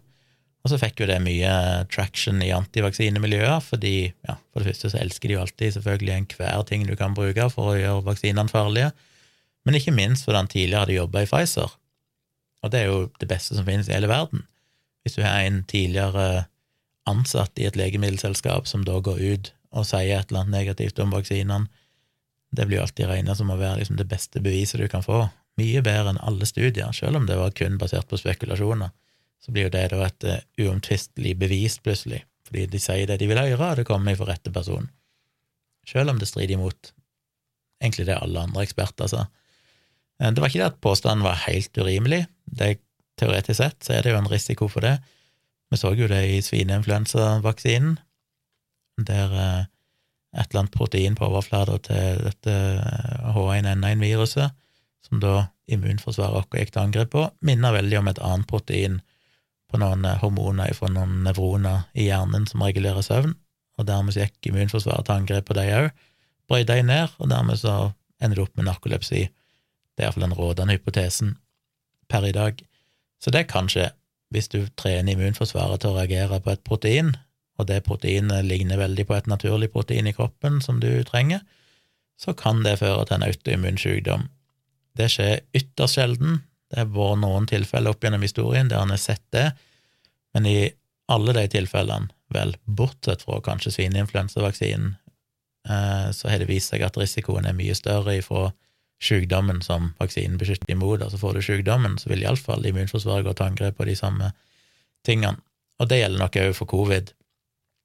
Og det er jo et av problemene med de her som aldri vaksinemotstandere skjønner, det er jo det at hvis det var sånn at vaksinen kunne forårsake dette, så ville det iallfall skje hvis eh, immunforsvaret til kroppen reagerer på faktisk virusinfeksjon.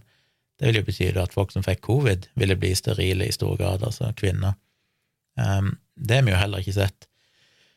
Så det var mange som har ment at nei, det er nok liten sjanse for det, men det har vært gjennomført uh, studier tidligere, og nå kom det iallfall én studie som hadde analysert dette veldig grundig.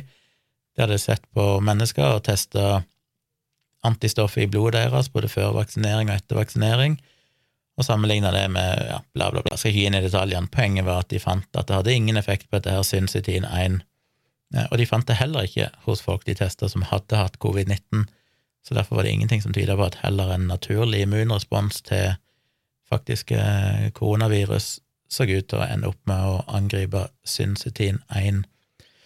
Så selv om Michael Eaden gikk ut og skapte mye, mye frykt rundt vaksinen på grunn av det, så er det nå studier som har undersøkt dette grundig og funnet ut at det faktisk ikke stemmer i virkeligheten, som var vel det de fleste antok, nettopp fordi at vi hadde jo real world data.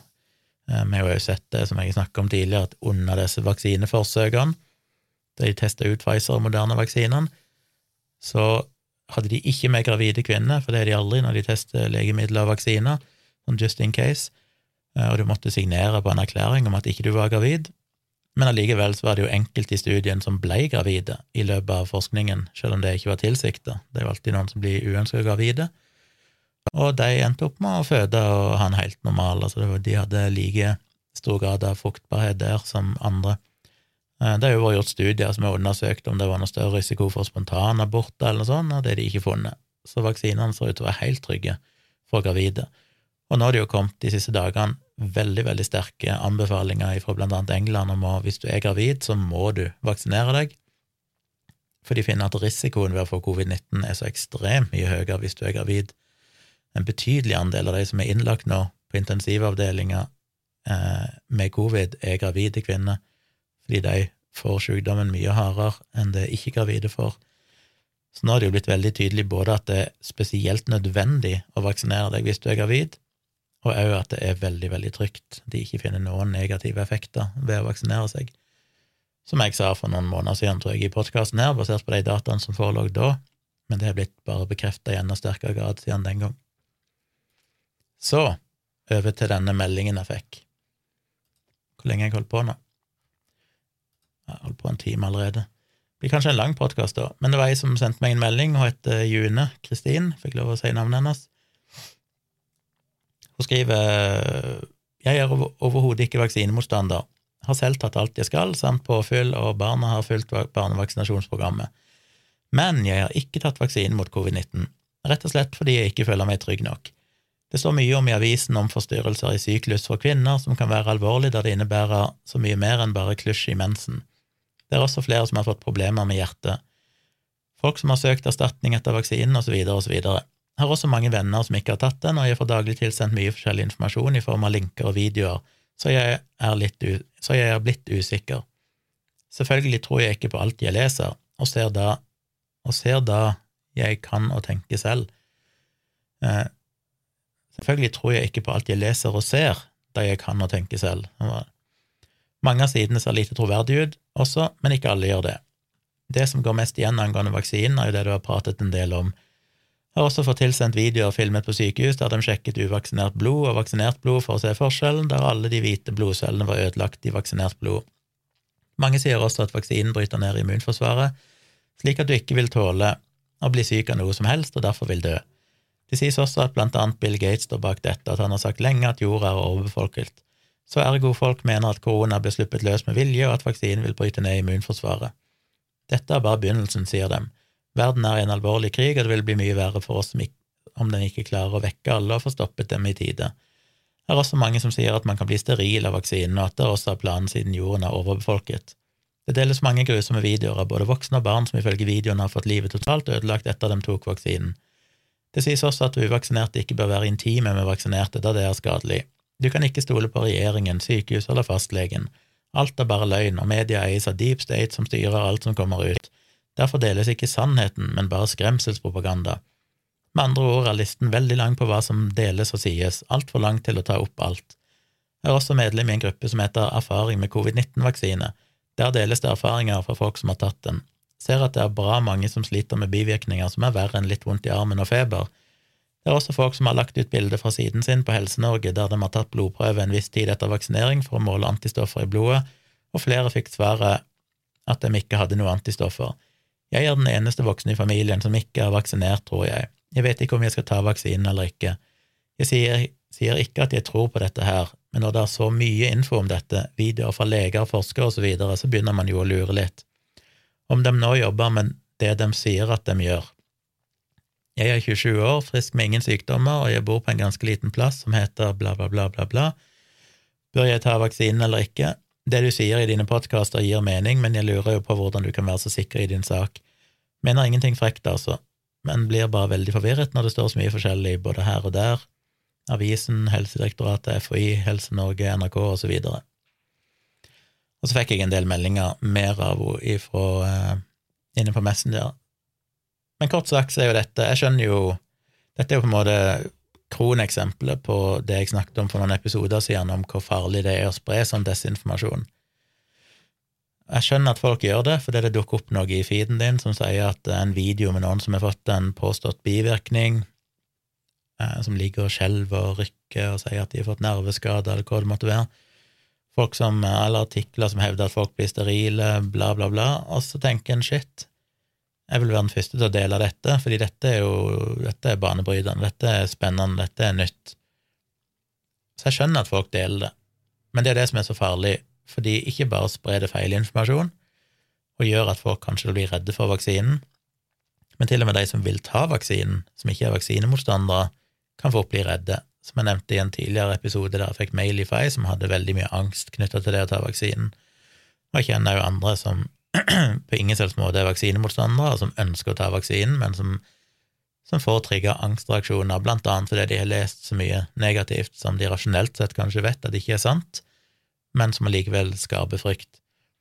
Det er litt som det med å fly. Vi vet jo at det å fly er den tryggeste måten å, å bevege seg på, holdt jeg på å si. Større risiko å kjøre bil alt det der. Allikevel så er det nok flere som er redde ved å fly enn ved å kjøre bil, fordi vi har sett ulykkesvideoer med, med liksom fått massive medieomtale når det er flyulykker, men du hører veldig lite om, om bilulykker på samme måten. Så det skaper en frykt, selv om du kjenner statistikken og alt dette her, så vil du være redd for det.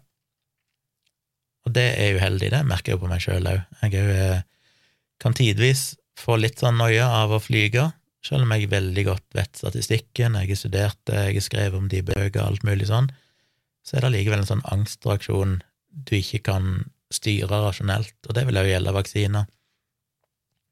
Så alle har et ansvar i informasjonen de deler. Ikke del sånne videoer eller artikler, selv om du føler kanskje det virker troverdig.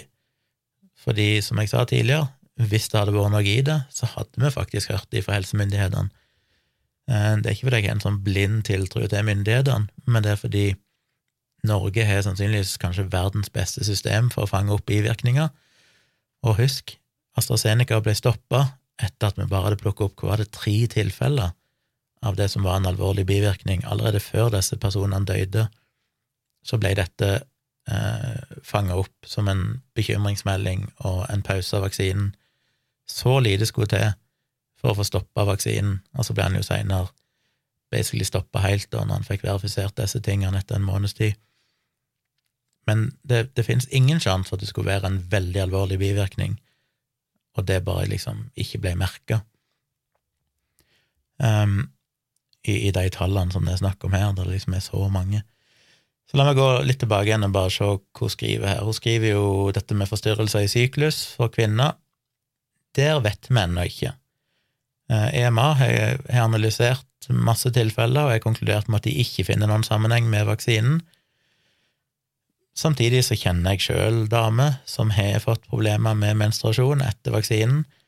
Ehm, det er jo sånn prakteksempel på hvorfor dette er så vanskelig, hvorfor vi mennesker er så dårlige til å vurdere det. For hvis jeg har to venninner som begge sier at de opplevde det, så vil jo det, jeg tenke at ok, men da må det jo være noe i det. Jeg ønsker jo ikke Eller jeg vet jo at ikke de lyver, for begge to er positive til vaksiner. Dette er definitivt noe de har opplevd, det tviler jeg ikke på i det hele tatt. Det jeg ikke vet, er jo om dette er noe de har opplevd før. Hvis du vaksinerer mange nok folk, og damer opplever dette en gang hvert femte år, så er de kanskje en ekstra kraftig menstruasjon, eller så er det klart at rent statistisk sett vil du da få mange, mange sånne tilfeller i løpet av neste måneden etter vaksinen eller første menstruasjon. Det er bare ren statistikk, det er uunngåelig. Og hvis ingen hadde snakka om dette, så ville ingen kanskje ha tenkt på det. Men fordi en da påpeker at dette kan være noe med vaksinen, så vil jo da folk plutselig knytte den kraftige menstruasjonen eller den ekstra menstruasjonen de fikk, eller to ekstra menstruasjoner, dobbelt så mange menstruasjoner som vanlig, osv., til vaksinen, selv om de kanskje har opplevd det før. Det vet vi jo ikke, jeg vet ikke. EMA har som sagt undersøkt dette og ikke funnet noen sammenheng. Men FHI driver jo nå og gransker det, så det blir jo spennende å se hva de finner i Norge, om de klarer å påvise at her er det sannsynligvis en sammenheng. Jeg vil vel anta at det mest sannsynlig er det, blant annet fordi at det finnes jo faktisk forklaringsmekanismer. Vaksinen gir deg jo en slags betennelsesreaksjon i kroppen, der immunforsvaret ruster opp, og det kan påvirke hormoner og sånn i kroppen, som gjør at det kan påvirke menstruasjon. Så dette er ikke en en vill idé uten noe grunnlag. Men selv om det er en sammenheng, så er jo ikke dette en alvorlig bivirkning. Det er ubehagelig, ja, og jeg føler meg selvfølgelig på en måte inhabil som mann og uttaler meg om dette, for jeg vet ikke hvordan det føles som kvinne, men vi vet jo det at dette er noe som går over hos kvinner. Jeg skjønner at det for, spesielt for kvinner som kanskje er spesielt smertefulle menstruasjoner og sånn, så er det på ingen slags måte optimalt å kanskje få flere av de eller kanskje få enda kraftigere og mer smertefulle menstruasjoner enn det de pleier å ha. Så jeg sier ikke at det er bagatellmessig på noe slags vis, jeg bare sier at det er ikke farlig, og det går over etter én eller to måneder, som regel er det bare én eller to menstruasjoner som blir påvirka, før du går tilbake til normalen. Det er uønskelig hvis det er en sammenheng. Jeg skjønner at det er en belastning for de, de som får dette, iallfall en del av de, men uh, det er ikke noe argument mot å ta vaksinen, fordi Får du covid-19, så finner de jo minst like mye problemer med menstruasjonen. Da får du jo akkurat den samme betennelsesreaksjonen, bare mye, mye kraftigere. Og hvis du er redd for å få dette fra vaksinen, så bør du iallfall være redd for å få det fra covid-19. Så er jo spørsmålet ja, men kan det ha andre effekter, da, som sterilitet eller fertilitet og sånne ting? Nei. Da har vi så gode data nå, som jeg nettopp snakket om tidligere, på at det har ingen effekt på fertiliteten din. Det vil ikke gjøre deg steril. Det finnes ingen sammenheng. Er du gravid, har du alt å vinne på å vaksinere deg. Da får du mye mindre risiko for å bli alvorlig syk, og det er ingen negative konsekvenser på, på eh, graviditeten din eller fødselen av barnet ditt. Tvert imot så beskytter det deg som sagt mot alvorlig covid-19, og det vil også gi barnet ditt beskyttelse en liten periode, fordi de vil få antistoffer med seg under fødselen, og kanskje også gjennom morsmelka. Så du har alt å vinne på å vaksinere deg hvis du er gravid, og det har altså ingen negative effekter på fertilitet og sånn, så det kan en bare slå vekk. Og alt det jeg kommer til å nevne her nå, så må en huske at bakteppet her er at en har gitt En har nå vaksinert hva er det, fire-fem milliarder mennesker. Ikke alle er med mRNA-vaksinene, eh, selv om det ikke nødvendigvis er så relevant hvilken type vaksine det er, for det er stort sett samme i stor grad samme mekanismer. Men hvis en bare ser på mRNA-vaksinene, så er en sikkert vaksinert ja, jeg vil tippe et par milliarder mennesker. Og hvis vi har vaksinert så mange mennesker siden nyttår, altså over en ni måneders periode, så kan du være 100% sikker på at hvis dette var reelle ting, så vil det bli fanga opp. Om du så mistro alt som finnes av offisielle myndigheter, så vil det være nok leger, privatpraktiserende, hvem som helst som er uavhengige, som ville plukke opp dette og kunne skrevet om det. Men det ser vi altså ikke. Det finnes utallige uavhengige organisasjoner som òg gransker de her tingene. Eh, vi finner ikke de, de, bivirkningene som det er snakk om her, i, i, den grad som det er snakk om. Og som sagt, det ble jo gjennomført, som jeg har delt tidligere i bloggen min, og sånn, denne store studien på seks millioner mennesker, der en så på alle disse eh, Der en fulgte et utvalg av sykehus i USA, og fulgte opp alle disse menneskene eh, med å se på alt de kunne av data, og fant altså ingen økning i alvorlige bivirkninger knytta til vaksinene hos disse seks millioner mennesker, menneskene. Og det er en rigid, svær studie som har fulgt alle disse folkene spesifikt, og klarer altså ikke å finne det. Hvis ikke du finner det hos de seks millionene som er spesifikt studert over en lengre periode, og ei heller hos de kanskje ja, når jeg snakket om fire milliarder i sted, så var det egentlig doser, da, men la oss si det er gitt to-tre At det er et par milliarder mennesker som har fått en mRNA-vaksine, så er det jo lite sjanse å tenke seg at eh, det er noe der. Husk på at hvis det skulle være sånn at en ikke kan stole på myndighetene og FHI og Helsedirektoratet og alt dette her, ingen av de er perfekte, alle har gjort feil, for all del, ikke det jeg sier, men det ville krevd at så mange hundretusenvis av mennesker, basically millioner av mennesker som jobber i disse organisasjonene og på sykehus og på legekontor rundt om i hele verden, måtte da vært del av denne konspirasjonen. Hva i verden skulle det gått? Jeg tror alle kjenner minst ti personer som jobber i helsevesenet. Mener du virkelig at alle de personene du kjenner som er sykepleiere og leger eller whatever, er med i en konspirasjon? Jeg tror folk som sprer sånne ideer om konspirasjon, har en idé om at dette er mennesker vi aldri møter.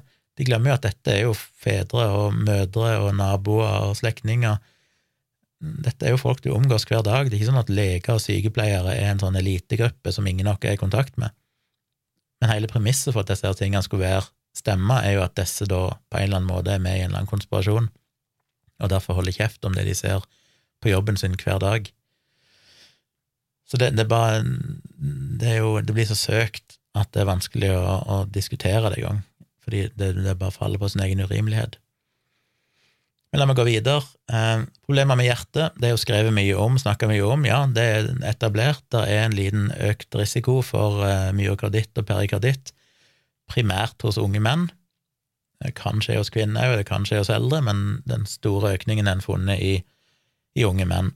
Men husk på at det er en det er vel rundt en dobling, litt avhengig av det litt verre med Moderna, for den gir deg bedre immunitet. Den er flere mRNA-molekyler i vaksinen, ca. tre ganger så mange som det Pfizer har. Derfor ser det ut til at den i litt større grad gir den bivirkningen.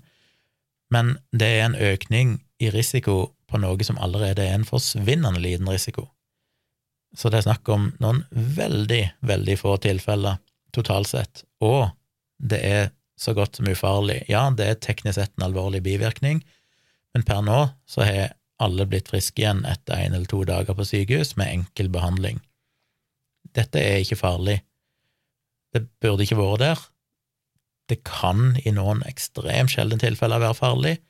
Vi har vel ikke sett det. Det er vel muligens registrert ett eller to dødsfall i hele verden ifra myokarditt og perikarditt som kan ha sammenheng med vaksinen, men som ikke er 100% bekreftet. Men tenk deg det, ett eller to dødsfall basert på at du har gitt kanskje fire milliarder doser. Altså, da er det større sjanse å bli truffet av lynet, bokstavelig talt. Flere mennesker blir drept hvert år av lynnedslag i en befolkning på fire milliarder, eller to milliarder mennesker. Så du kan virkelig ikke bekymre deg for det, eh, og det er ikke engang verifiserte tilfeller.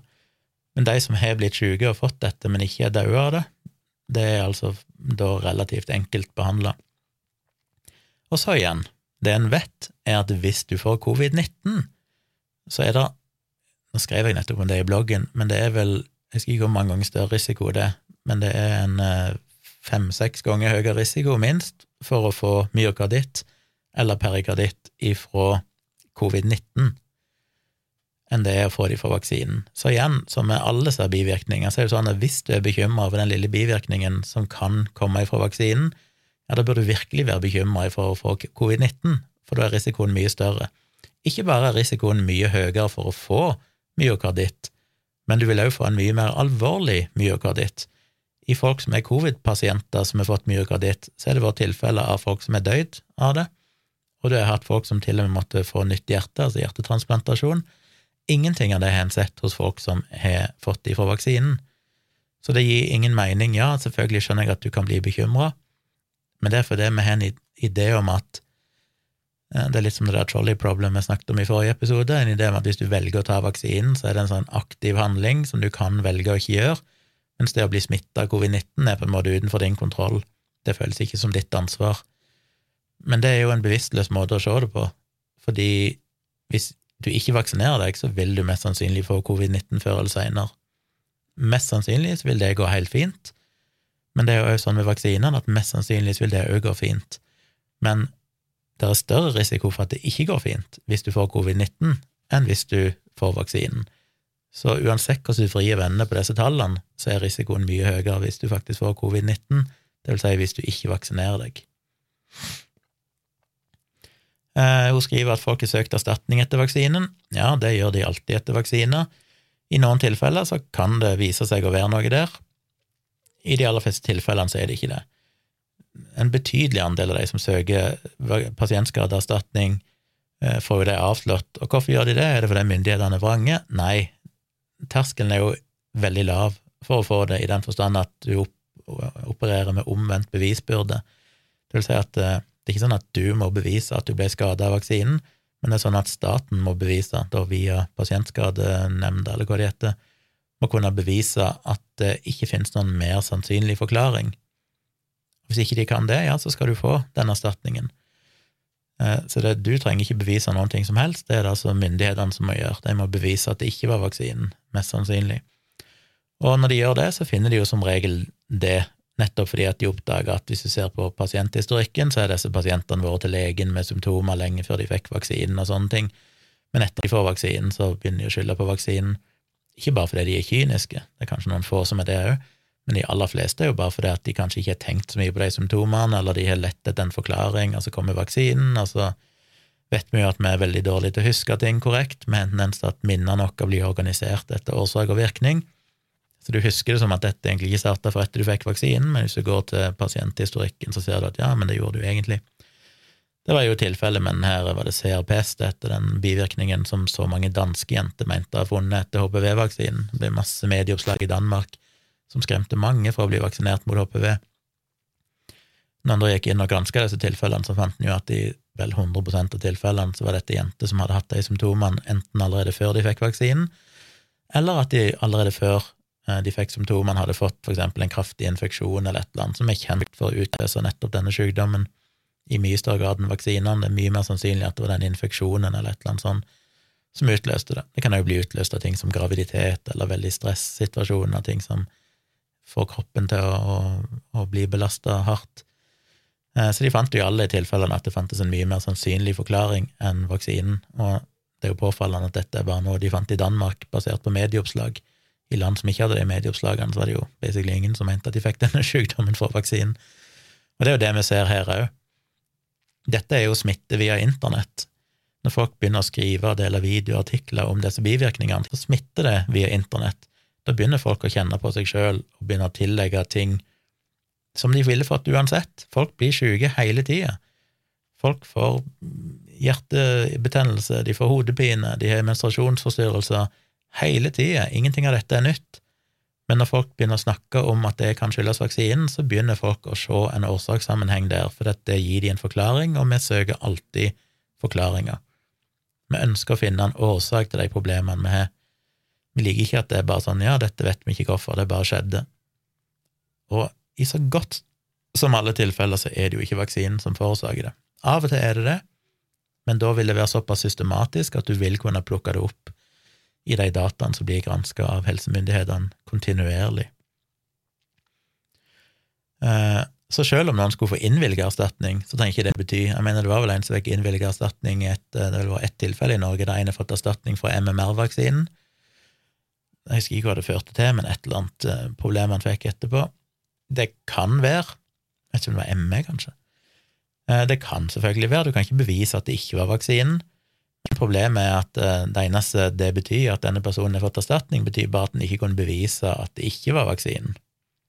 Det var ikke sånn at fordi han får erstatning, så er det da bevis for at det må ha vært vaksinen, det er bare at det fantes ikke noen bedre forklaring, eh, som jo er egentlig ganske håpløst, for det er fryktelig mange årsaker til sånne sykdommer som en aldri vil kunne dokumentere i ettertid, men da får du erstatning, da, fordi det skal gå i din favør, denne tvilen skal gå i pasienten sin favør.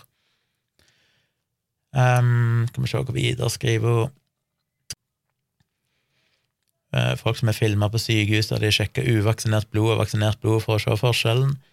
Der alle de hvite blodcellene var ødelagt i vaksinert blod.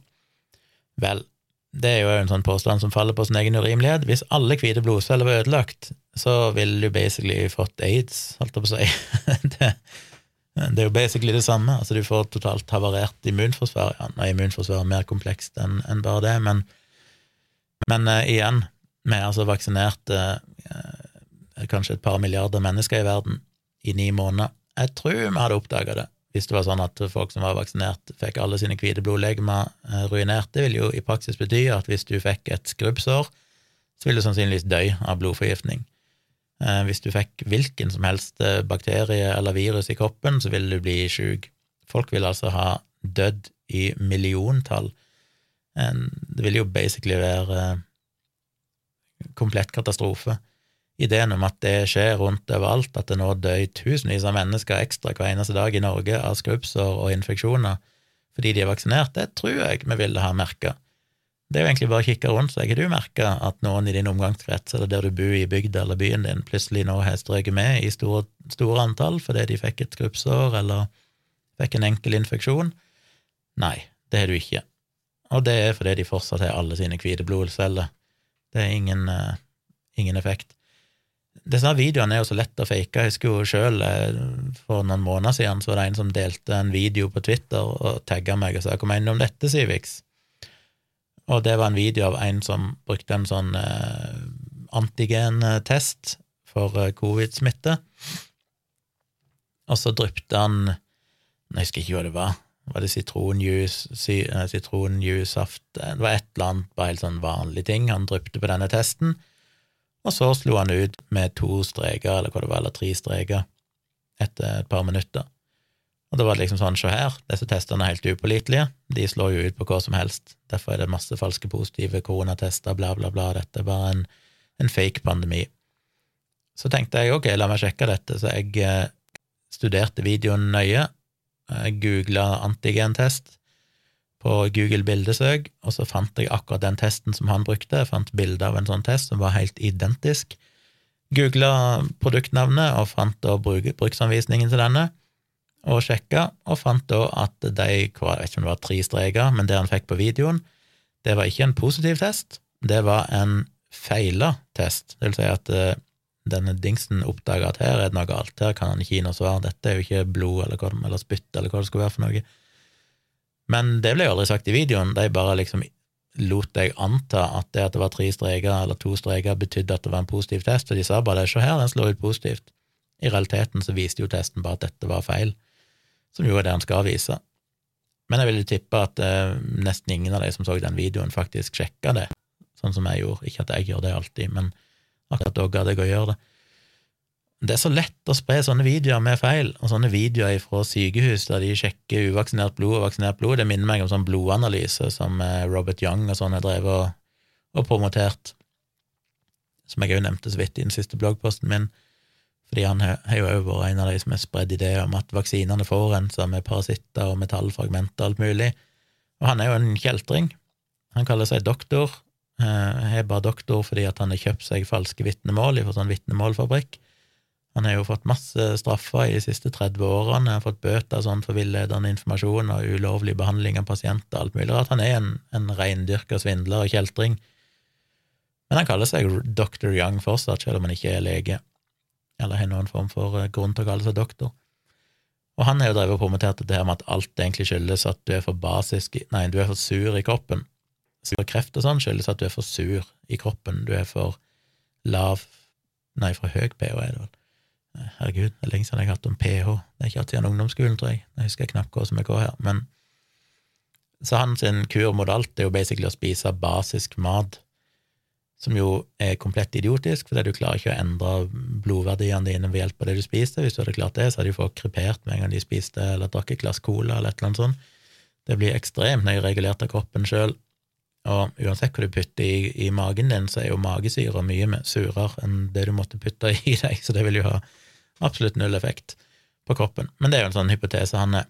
Men han er jo bevist dette da gjennom blant annet såkalt blodanalyse, der de tar en dråpe blod, og så kikker de på han og sier de, ja, se her, blodcellene dine er fulle av sopp. Fordi hvis du får for eh, sur kropp, så vokser det sopp på blodcellene dine. Og det er jo bare humbug. Eh, og det å analysere blod i mikroskop er jo noe som krever lang utdannelse. Det er veldig vanskelig, visstnok. Jeg snakka med flere som sier at det er noe du trenger lang erfaring i å, å, kunne gjøre på en korrekt måte. Mens han da tilbyr kurs der du basically i ei helg lærer deg å gjøre dette, og så kan du da sitte på sånn alternativ messe og, og be folk avlegge en blodtest, og så konkluderer du alltid med ja, se her, her vokser det sopp på blodcellene dine, ergo så må du kjøpe disse kosttilskuddene og sånn av oss for å korrigere pH-balansen i kroppen din. Altså, det er, så, det er så mye bullshit.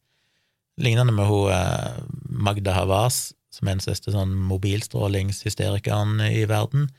Um, hun har jo vist det, at her, hvis du blir utsatt for mobilstråling, så kan du se i mikroskop at blodcellene dine får noe som heter for rouleau, som er vel fransk og betyr liksom en stabel med mynter.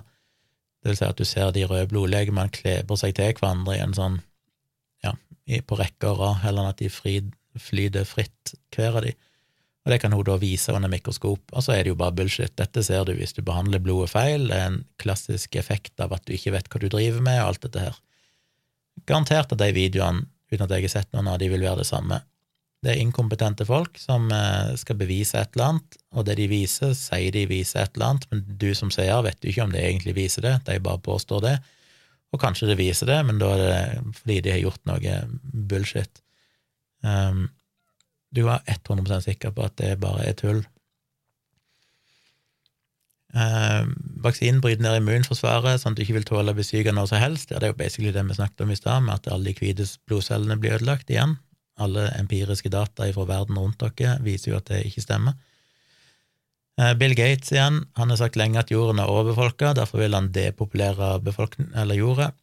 Ja, det er jo sjokkerende at folk klarer å misforstå det den dag i dag, så lenge etter at det har blitt forklart sikkert 10 000 ganger på internett.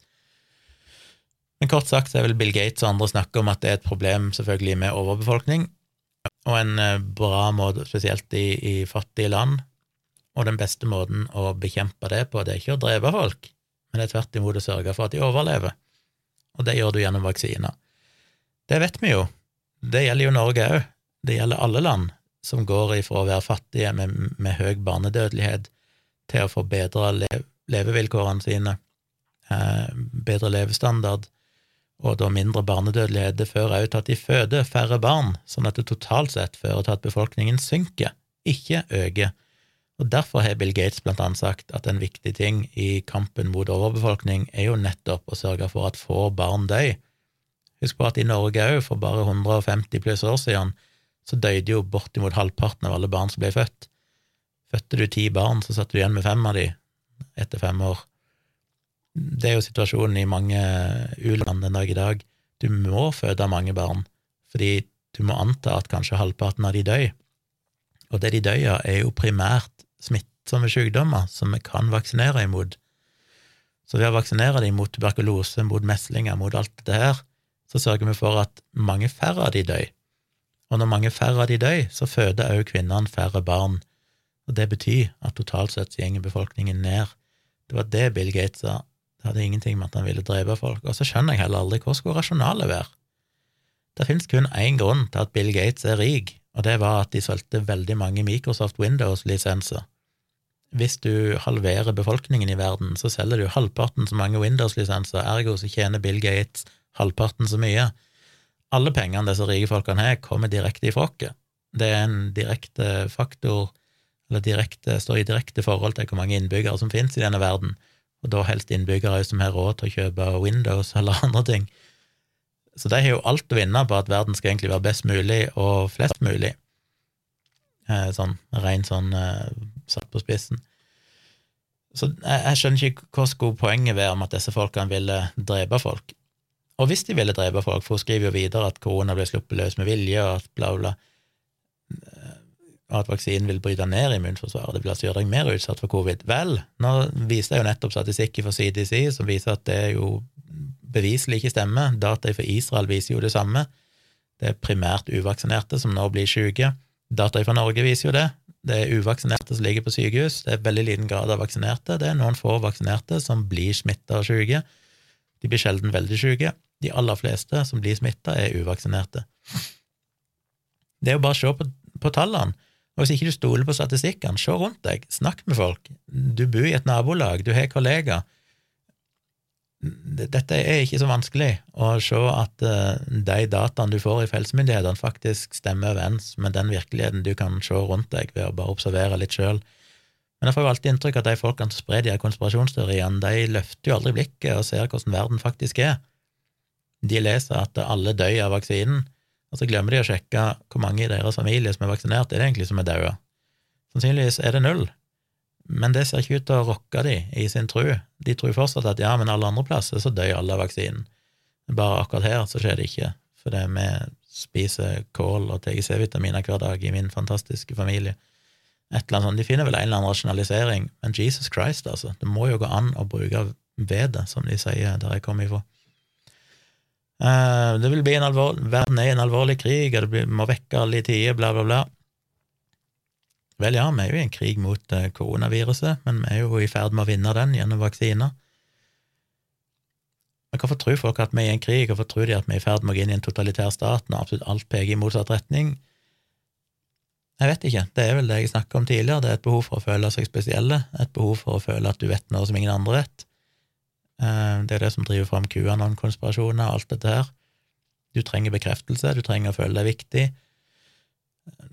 Verden er kompleks. Eh, det er mye lettere å kaste seg på en sånn teori enn å gjøre det som jeg faktisk gjør, er å sitte i timevis etter timevis og lese rapporter og forskning og prøve å forstå hva dette faktisk handler om, selv om jeg òg syns det er dritvanskelig.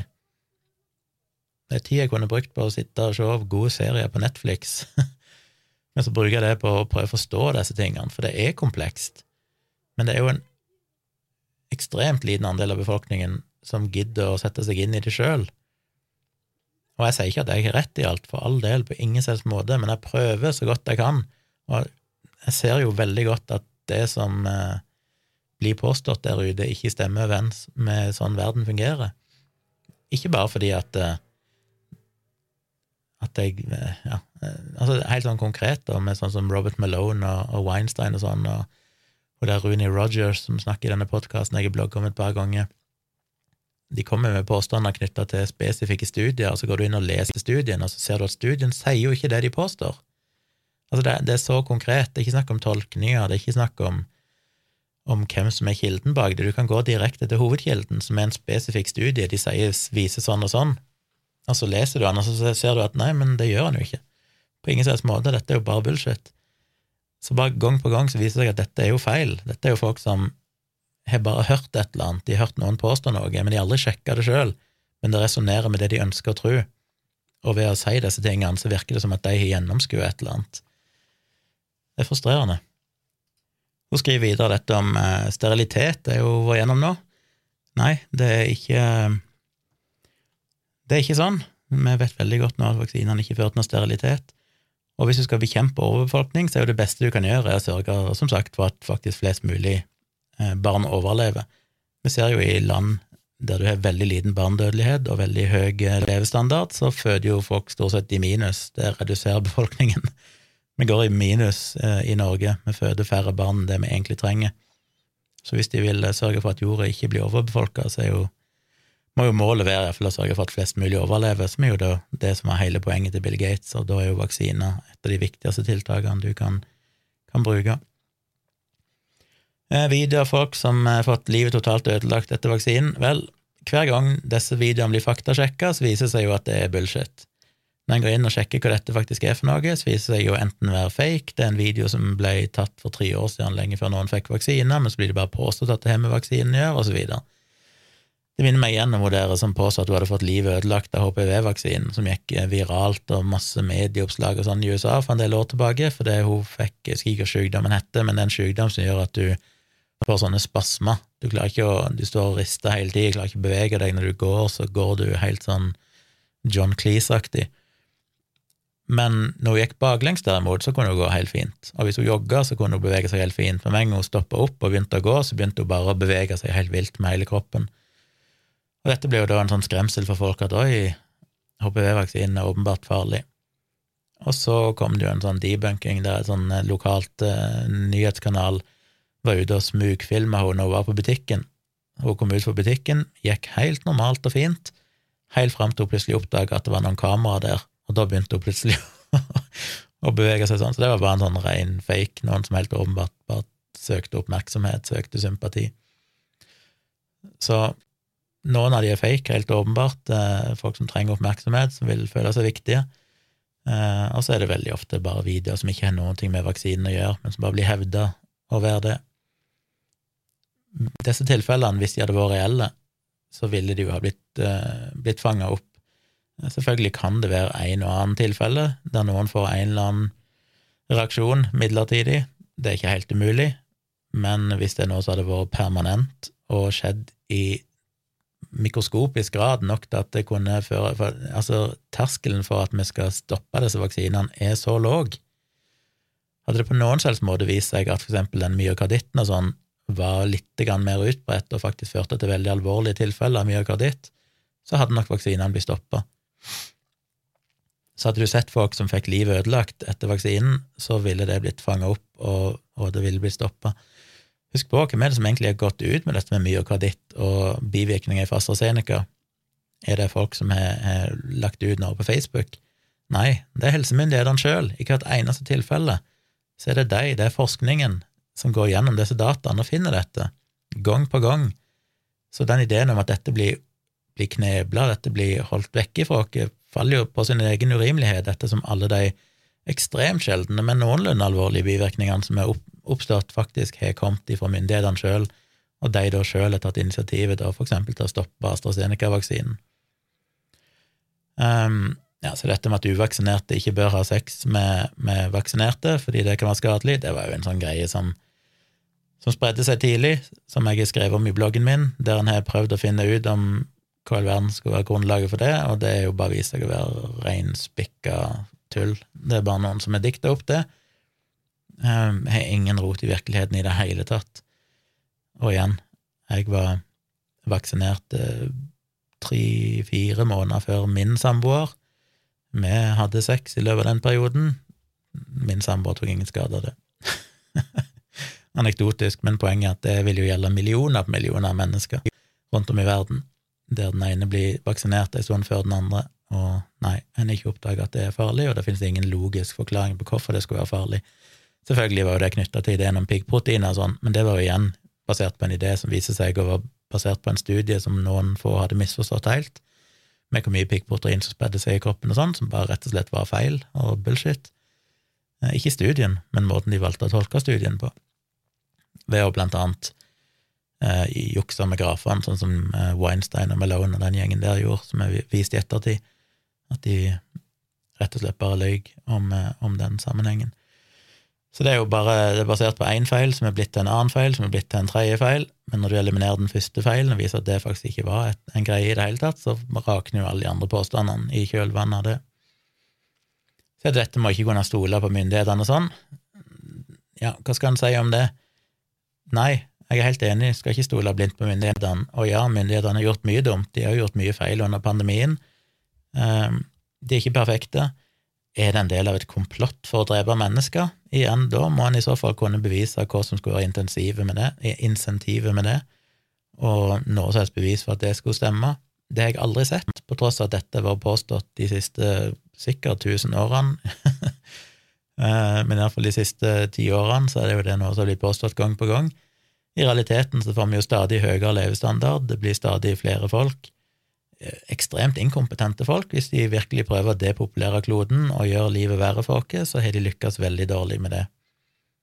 Jeg, skjønner ikke Ja, igjen, det må gå an å åpne øynene og se rundt seg, heller enn å bare grave seg ned i noen Reddit, subreddits og 4chan og Telegram-kanaler og sånn, og bare tro at det er virkeligheten, og så bare glemme å kikke rundt seg og se ja, men er det egentlig sånn ute der i den virkelige verden?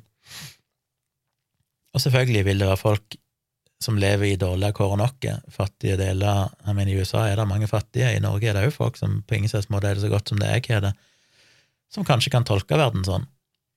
At ja, men jeg har det ikke så bra, jeg mista jobben min, jeg har dårlig inntekt, bla, bla, bla, derfor så går verden til helvete. Men øh, ja, det, det, blir jo da en sånn mestringsmekanisme, da, en må skylde på et eller annet.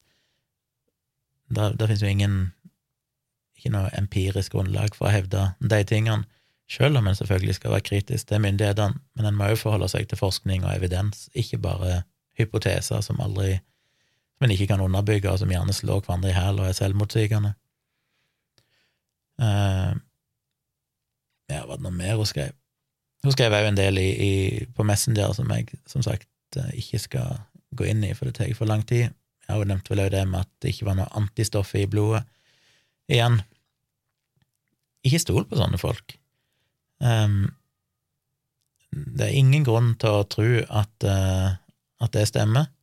Dette blir jo forska på jevnlig. Dette er ikke forskere som er betalt og kjøpt av myndighetene, dette er mange uavhengige forsker, forskere og organisasjoner som gjør studier på alt mulig. Det er ingen uh, det, det rimer ikke med de resultatene som de får hvis det stemte at du ikke hadde noe antistoff i blodet, så er det jo rart at uh, du da kan måle en nedgang i antistoffet i prosent. Jeg vil jo anta at de folkene som både påstår at det ikke er noe antistoff i blodet, sikre er jo de samme folkene som vil påstå at sjå, vaksinene blir stadig dårligere, derfor er det ikke noe vits i å vaksinere seg. Når realiteten er at ja, antistoffene i blodet synker etter noen måneder, det har jo nyere data vist, men hvis du ikke hadde noen antistoff i blodet etter vaksinen, så kunne du ikke målt det. Så du kan ikke både hevde at du ikke har antistoffet i blodet, og samtidig si at det er nedgang i antistoffet, hvis det i utgangspunktet var null. Så det blir jo en sånn påstand som er så typisk, der de påstår to ting som er totalt i strid med hverandre, men de klarer likevel å holde begge meningene samtidig, selv om de da slår hverandre i hæl.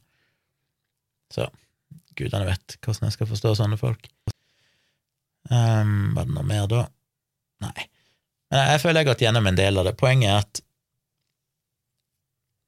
skal denne verden fungere, skal vi kunne ha et fungerende demokrati, så, eh, så skal du være kritisk, ja, men du må òg klare å sette deg litt inn i ting før en Og dette sier jeg ikke til, til June, jeg sier det til folk som driver og sprer sånn desinformasjon på internett. Um, en må stole på forskningen, og en må være kritisk til forskningen. Jeg har snakka mye om det og skrevet om det. Det har jo vært fryktelig mye dårlige studier som har vært helt hårreisende idiotiske, som har blitt publisert spesielt under pandemien. Så det er jo ikke sånn at studier i seg sjøl er ufeilbarlige, langt ifra. Jeg har jo skrevet om det i bøkene mine, om hvordan en betydelig andel av forskning har feil resultater. Men det er jo ikke den enkelte studien som er viktig, det er jo prosessen og liksom summen av forskning. Og da får en som regel ganske gode data etter hvert. Så ved å være kritisk til forskningen, sånn som med Ivar Mektin, for eksempel, der det har vært publisert mange studier, der de aller fleste er crappy, små observasjonsstudier som ikke egentlig er, kan stole på i utgangspunktet, og som en nå har funnet at alle de viktige studiene stort sett har vært forfalska, eller iallfall er så inkompetente at de ikke gir noen mening. Så ja, en skal være kritisk til forskningen, men det er jo sånn en da etter hvert finner fram til sannheten, ved å se at ok, her er det mye dårlig forskning, disse kan vi ikke legge vekt på, sammen med mobilstråling. Alle disse studiene som skal vise at det er farlig, de holder ikke vann, rett og slett. Og veldig ofte så er det ikke engang konkludert med det som folk påstår at de konkluderer med eller de har brukt strålingsmengder som er ekstremt mye høyere enn det du kan bli utsatt for i den virkelige verden, osv., osv. Så, videre, og så en må liksom gå og granske disse studiene og se forteller de egentlig det som folk påstår, og kan det være noen metodologiske feil her, og hva viser andre studier som er bedre gjennomført.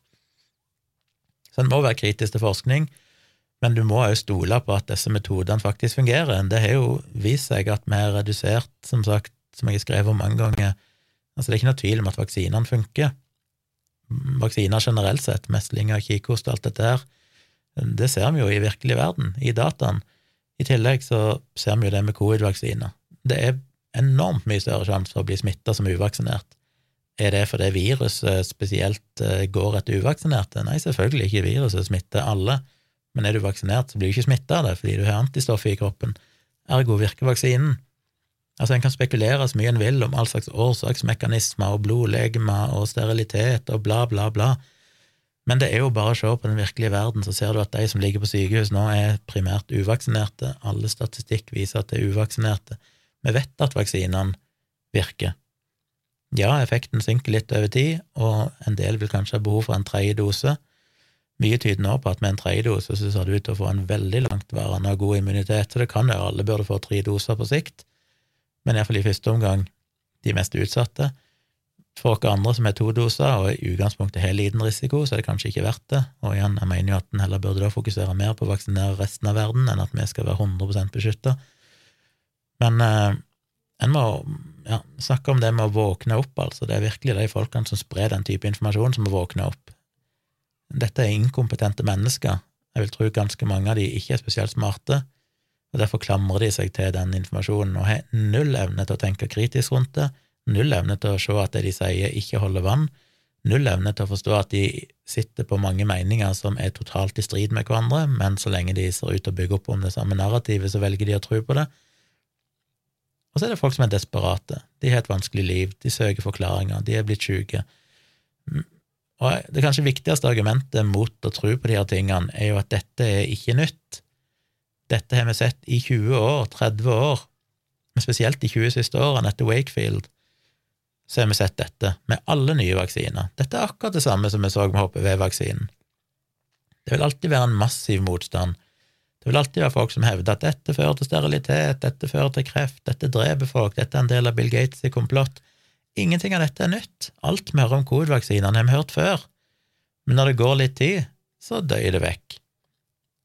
Vi hører ikke disse tingene i veldig stor grad om HPV-vaksinen lenger. Hvis det hadde vært noe som helst sannhet i det, så ville vi fortsatt hørt om det. Da ville det vært en katastrofe. Det ville ha blitt plukka opp, vi ville ha hørt like mye om det nå som vi gjorde i, i 2010, men det gjør vi altså ikke, fordi at dette er hype, dette er smitte via internett, dette er memes, dette er kulturelle virus som sprer seg i befolkningen gjennom Facebook og Twitter og andre kanaler som er spennende i en periode der folk trenger å bruke det til å virke, til å utmerke seg sjøl på et vis, men etter hvert, når det ikke er så spennende lenger med covid og vaksiner, så finner de andre ting. Det vil alltid finnes et eller annet, men det at det endrer seg over tid, alt avhengig av hva som er mest i bildet der og da, viser jo at dette neppe holder vann. Og da i tillegg, da, som sagt, vi har gitt noen milliarder doser og jeg tror nok vi hadde sett disse tingene hvis det hadde vært reelt. Um, og bare for å kvalifisere, ja, selvfølgelig kan det være en og annen sjelden bivirkning for vaksinene som er så sjelden at det ikke blir plukket opp statistisk. En og annen person som viser en video at de begynte å skjelve etter vaksinen, kan skyldes vaksinen, men da vil det per definisjon være så sjeldent at det vil være mye, mye farligere for deg å gå ut på butikken og handle i dag. Risikoen for å bli påkjørt eller falle, skli, brekke beinet, få en meteor i skallen er basically høyere enn det for at akkurat det skal skje med deg. Og til slutt, på den andre sida, risikoen for å få covid-19 i løpet av de neste fem årene er opp mot 100 hvis ikke du vaksinerer deg. Og da kan du gange all den risikoen du har funnet med vaksinene, med iallfall tid både for å få det, og kanskje òg tid med alvorligheten av det du får. Ergo, det fins bare ett svar på spørsmålet til June, det er for all del gå og vaksiner deg. I tillegg til det så kommer jo selvfølgelig risikoen for at du da kan ende opp med å smitte andre. Du kan være den som blir smitta, og som da igjen smitter dine foreldre, som kanskje er gamle, eller dine besteforeldre, eller noen i familien din som har kreft, eller har en annen sykdom som gjør at de er spesielt utsatt, ekstremt overvektige, har diabetes, har kols. Du kan være den personen som dreper deg gjennom at du ikke vaksinerte deg. Så dette handler jo ikke bare om, for meg, og sorry at jeg sier det, jeg syns det er reindyrka egoisme å si at ja, men det er en sånn én av en million sjanse for at jeg kan få en mild bivirkning, derfor vil jeg ikke vaksinere meg. Og så glemmer du at ja, men du vaksinerer deg òg for å beskytte de rundt deg som kanskje har 1 sjanse for å dø av covid-19. Altså er du over 80 år, for eksempel, over 85, så kan jo risikoen være på mange prosent for at du faktisk dør hvis du blir smitta av covid-19. Og vil du være den personen som bidrar til at dette viruset sirkulerer i befolkningen i flere år til, når vi kunne ha kvittet dere med det? En må jo tenke det kategoriske imperativet her. Én eh, ting er at du alene kanskje ikke bærer veldig mye risiko for å smitte andre hvis du skulle få det, men du må jo tenke men ønsker jeg at alle gjør som meg? Ville June Kristin her, og andre som tenker som hun, mener dere at ingen av dere skulle ha vaksinert dere? Mener du at ingen andre, alle skulle ha fulgt din frykt og ikke vaksinert seg, da vet vi jo, basert på de dataene vi har nå, at millioner flere ville ha dødd, at i Norge ville vi hatt veldig mye høyere dødstall, at mange av de du kjenner og er glad i, vil stå i ekstremt mye høyere risiko for å bli alvorlig syke eller dø av covid-19. Det å, å, kunne si at ja, men jeg vil ikke vaksinere meg fordi det er en bitte liten risiko her som jeg syns er litt skummel, det er egoisme fordi at det er å si at jeg tar meg den luksusen til å ikke ta på meg den mikroskopiske risikoen fordi alle andre har vært ansvarlige. Så jeg bare gambler på at alle andre er ansvarlige, så slipper jeg å være det. Det er egoisme, og det er snylting på samfunnets eh, kollektive um, idé om at vi skal beskytte hverandre. Så det var min lille moralpreken på slutten. Så kan du mene hva du vil om det, og alle dere andre som eventuelt ikke har vaksinert dere. Men helt uavhengig av moral, så er altså ren statistikk og matematikk definitivt på sida av å bli vaksinert. Da må jeg runde av. Jeg holdt på i nesten to timer. Takk for at du hørte på så lenge. Hvis du syns dette var verdt det, så del podkasten med andre. Det setter jeg veldig pris på. Tips andre om at de kan høre dette. Dere finner lenker sånn i uh, i shownotes. Det blir eh, livestream senere i kveld, altså fredag kveld 15. oktober klokka 11 inne på YouTube-kanalen min og Tone sin. Og så kommer det en ny episode av Virkelig grusomt på mandag, og en ny episode av min podkast, denne her, og en livestream på tirsdag.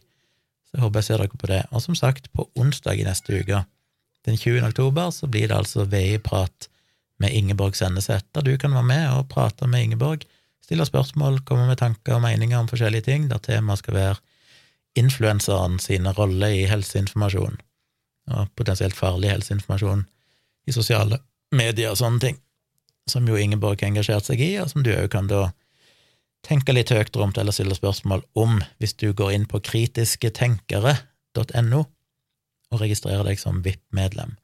Så kan du være med på Veiepraten via Zoom på onsdag klokka åtte. Nei, klokka ti var det vel. Klokka ti på kvelden. Det ligger en post der inne, så du ser, eh, du ser eventen, så du kan melde deg på inne på kritisketenkere.no. Håper mange av dere vil være med. Det er ganske mange som har meldt seg på etter hvert, så det blir, det blir kult. Da skal jeg avrunde her og rett og slett ta helg. Så eh, ja, god helg.